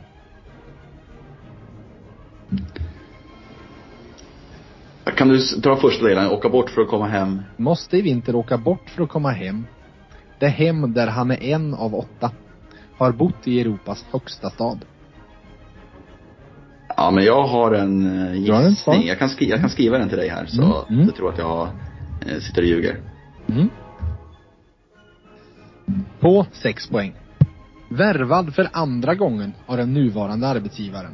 Första gången då hittar de i Ängevi. Nu hittar de i G8-hemmet. Känns det bra med svaret? Ja, men första delen av ledtråden känns väldigt bra. Sen andra delen av ledtråden, då är det desto mer oklart. Men eh, eh, jag, är inte, jag är inte, sitter inte här och är ledsen i alla fall. Nej. På 4 poäng. 2, 5, 9, 9, 17, 19 och 51. Det är de övriga i den grupp av åtta jag nämnde förut. Nu känns det bra va? Nu känns det bra. Ja. Och på två poäng så säger jag Svensk mästare 1997, 1998, 02, 06 och 09 och då pratar vi bara om gulden som spelare. Vem svarade du på åtta poäng, Måns? Det är ju huvudpersonen i avsnittet, Jörgen Jönsson. Ja men det är ju det! Jajamän. Åtta igen! Herregud vad du lever upp till hypen du själv skapat kring det. Ja, exakt. Ja, det känns bra. Det känns bra. Ja, Han fyller 50 år den 29 september. Det är bara några, några veckor kvar till Mm. Jönsson blir 50. Och sen hade jag som sagt, eh, åka hem för att, åka bort för att komma hem, den var ju inte så konstig. Och en av åtta, och de med siffrorna, det var ju såklart de åtta Mm. som har numret pensionerat och hänger i taket i Löfbergs Arena. Eh, har bott i Europas högsta stad, det är tydligen Davos, såg jag när jag googlade på det. Mm. Eh, Ja, det är, det är, jag är inte chock, jag är inte chockad. Jag Nej, nej. sen. Nej. Men sen, för det här, det, vi var ju faktiskt inne på Jönsson förut och jag var tvungen att bita mig lite i tungan för att inte säga. Du sa att han inte varit huvudtränare, att han inte varit på seniornivå. Det har han visst varit. I Ja. Forshaga. Okej. Ja, ja, och det är ja. ju det som är Ängvi ishall, där Forshaga hör hemma. Han gjorde ju en ja, säsong där när han hade lämnat Färjestad och tränat Forshaga division 1. Innan Okej. Växjö blockade honom som assisterande. Ja, så kanske det var ja. Det, Ja. det, det, ja. Mm. Sen är ju det liksom, ja, alltså huvudtränare men det var i division 1 så att det är klart det var på en annan nivå. Liksom. Mm. Johan Penneborn hade varit huvudtränare i Grums i Hockeytvåan ett antal år innan han blev huvudtränare här. Så att Mm. det är klart att det fortfarande så finns det väl en frågetecken kring, kring huvudtränarskapet även trots det. G8-hemmet var ju om alla G8-möten de har i Davos såklart. Eh, och så sen lite siffror som ni alla mycket väl förstår. Eh, så jag ska säga grattis till dig Måns. Ja, tack. Jag är glad att eh, Peter Forsberg kom hem till några VM så Jörgen Jönsson spelar nummer 72. För det var det som gjorde att jag fick upp eh, tanken på att det borde nog vara Jörgen Jönsson redan på tian där. Men det, jag hade inte riktigt koll på att det var just 29 september han var, han var född kan jag avslöja. Just det. Just det. Mm. Men jag visste Ja. att det var 72 och sen var det väl eh, att ja, åka bort för att komma hem var en av åtta. Då anade jag, jag visste inte att det var exakt åtta men jag anade ju vad det var du menade med Ja, det. men exakt, exakt. Ja. Du, jag säger tack till dig och till lyssnare så måste jag säga att nu, vi sitter här på fredag och spelar in och då är det alltså mindre än en vecka kvar tills jag ska kliva ner några trappor från eh, VF-redaktionen in på Pitchers och där vi ska ha en toppenkväll, tror jag, tillsammans med VF Hockey Live. Eh, om ni vill komma, det kostar ju liksom inga pengar utan det som ju är bra är om ni bokar, eh, bokar bord på Pitchers så att ni har en plats runt, runt där vi kommer att sitta och podda. Eh, vi har, eh, ni, ni, ni kan ändra gå in på v.se så ser ni hur ni hittar till, till eh, evenemanget eller så går ni bara in på Facebook och söker på VF Hockey Live. Så hittar ni info om evenemanget och länk även till pictures till där ni bokar, eh, bokar eh, platser. Jag ska säga, och det går ju även att komma, så vill ni komma och inte sitta vid ett bord med fyra andra personer, vill ni komma själva, kom. Eh, vi, ändra så sätter ni er med några andra som också är hockeynördiga, ni kommer att hitta gemensamma nämnare, eller så ställer ni i baren eller sätter på en stor där, så det, det, det funkar på alla sätt. Vi har ju redan presenterat att eh, Viktor Ejdsell är en av gästerna. Vi har redan presenterat att Masken är en av gästerna. Eh, ja, ni kan även nu få att eh, det kommer två Färjestadspelare till. Ni får en av dem nu. Mikael Engqvist är även han klar som gäst till eh, VF Hockey Live. Eh, kommer du Måns? Du kommer väl sätta dig till Karlstad och åker till detta förstår jag? Ja, ja, absolut. Jag sitter och kollar tåg i detta nu. Ja, Faktiskt. ja. Det bra. Eh, så jag säger tack till dig och till er lyssnare. Så jag hoppas vi ses nästa torsdag. Eh, vanligt VF Hockey avsnitt eh, kommer om någon vecka. Men tills dess får ni alla ha det så gött.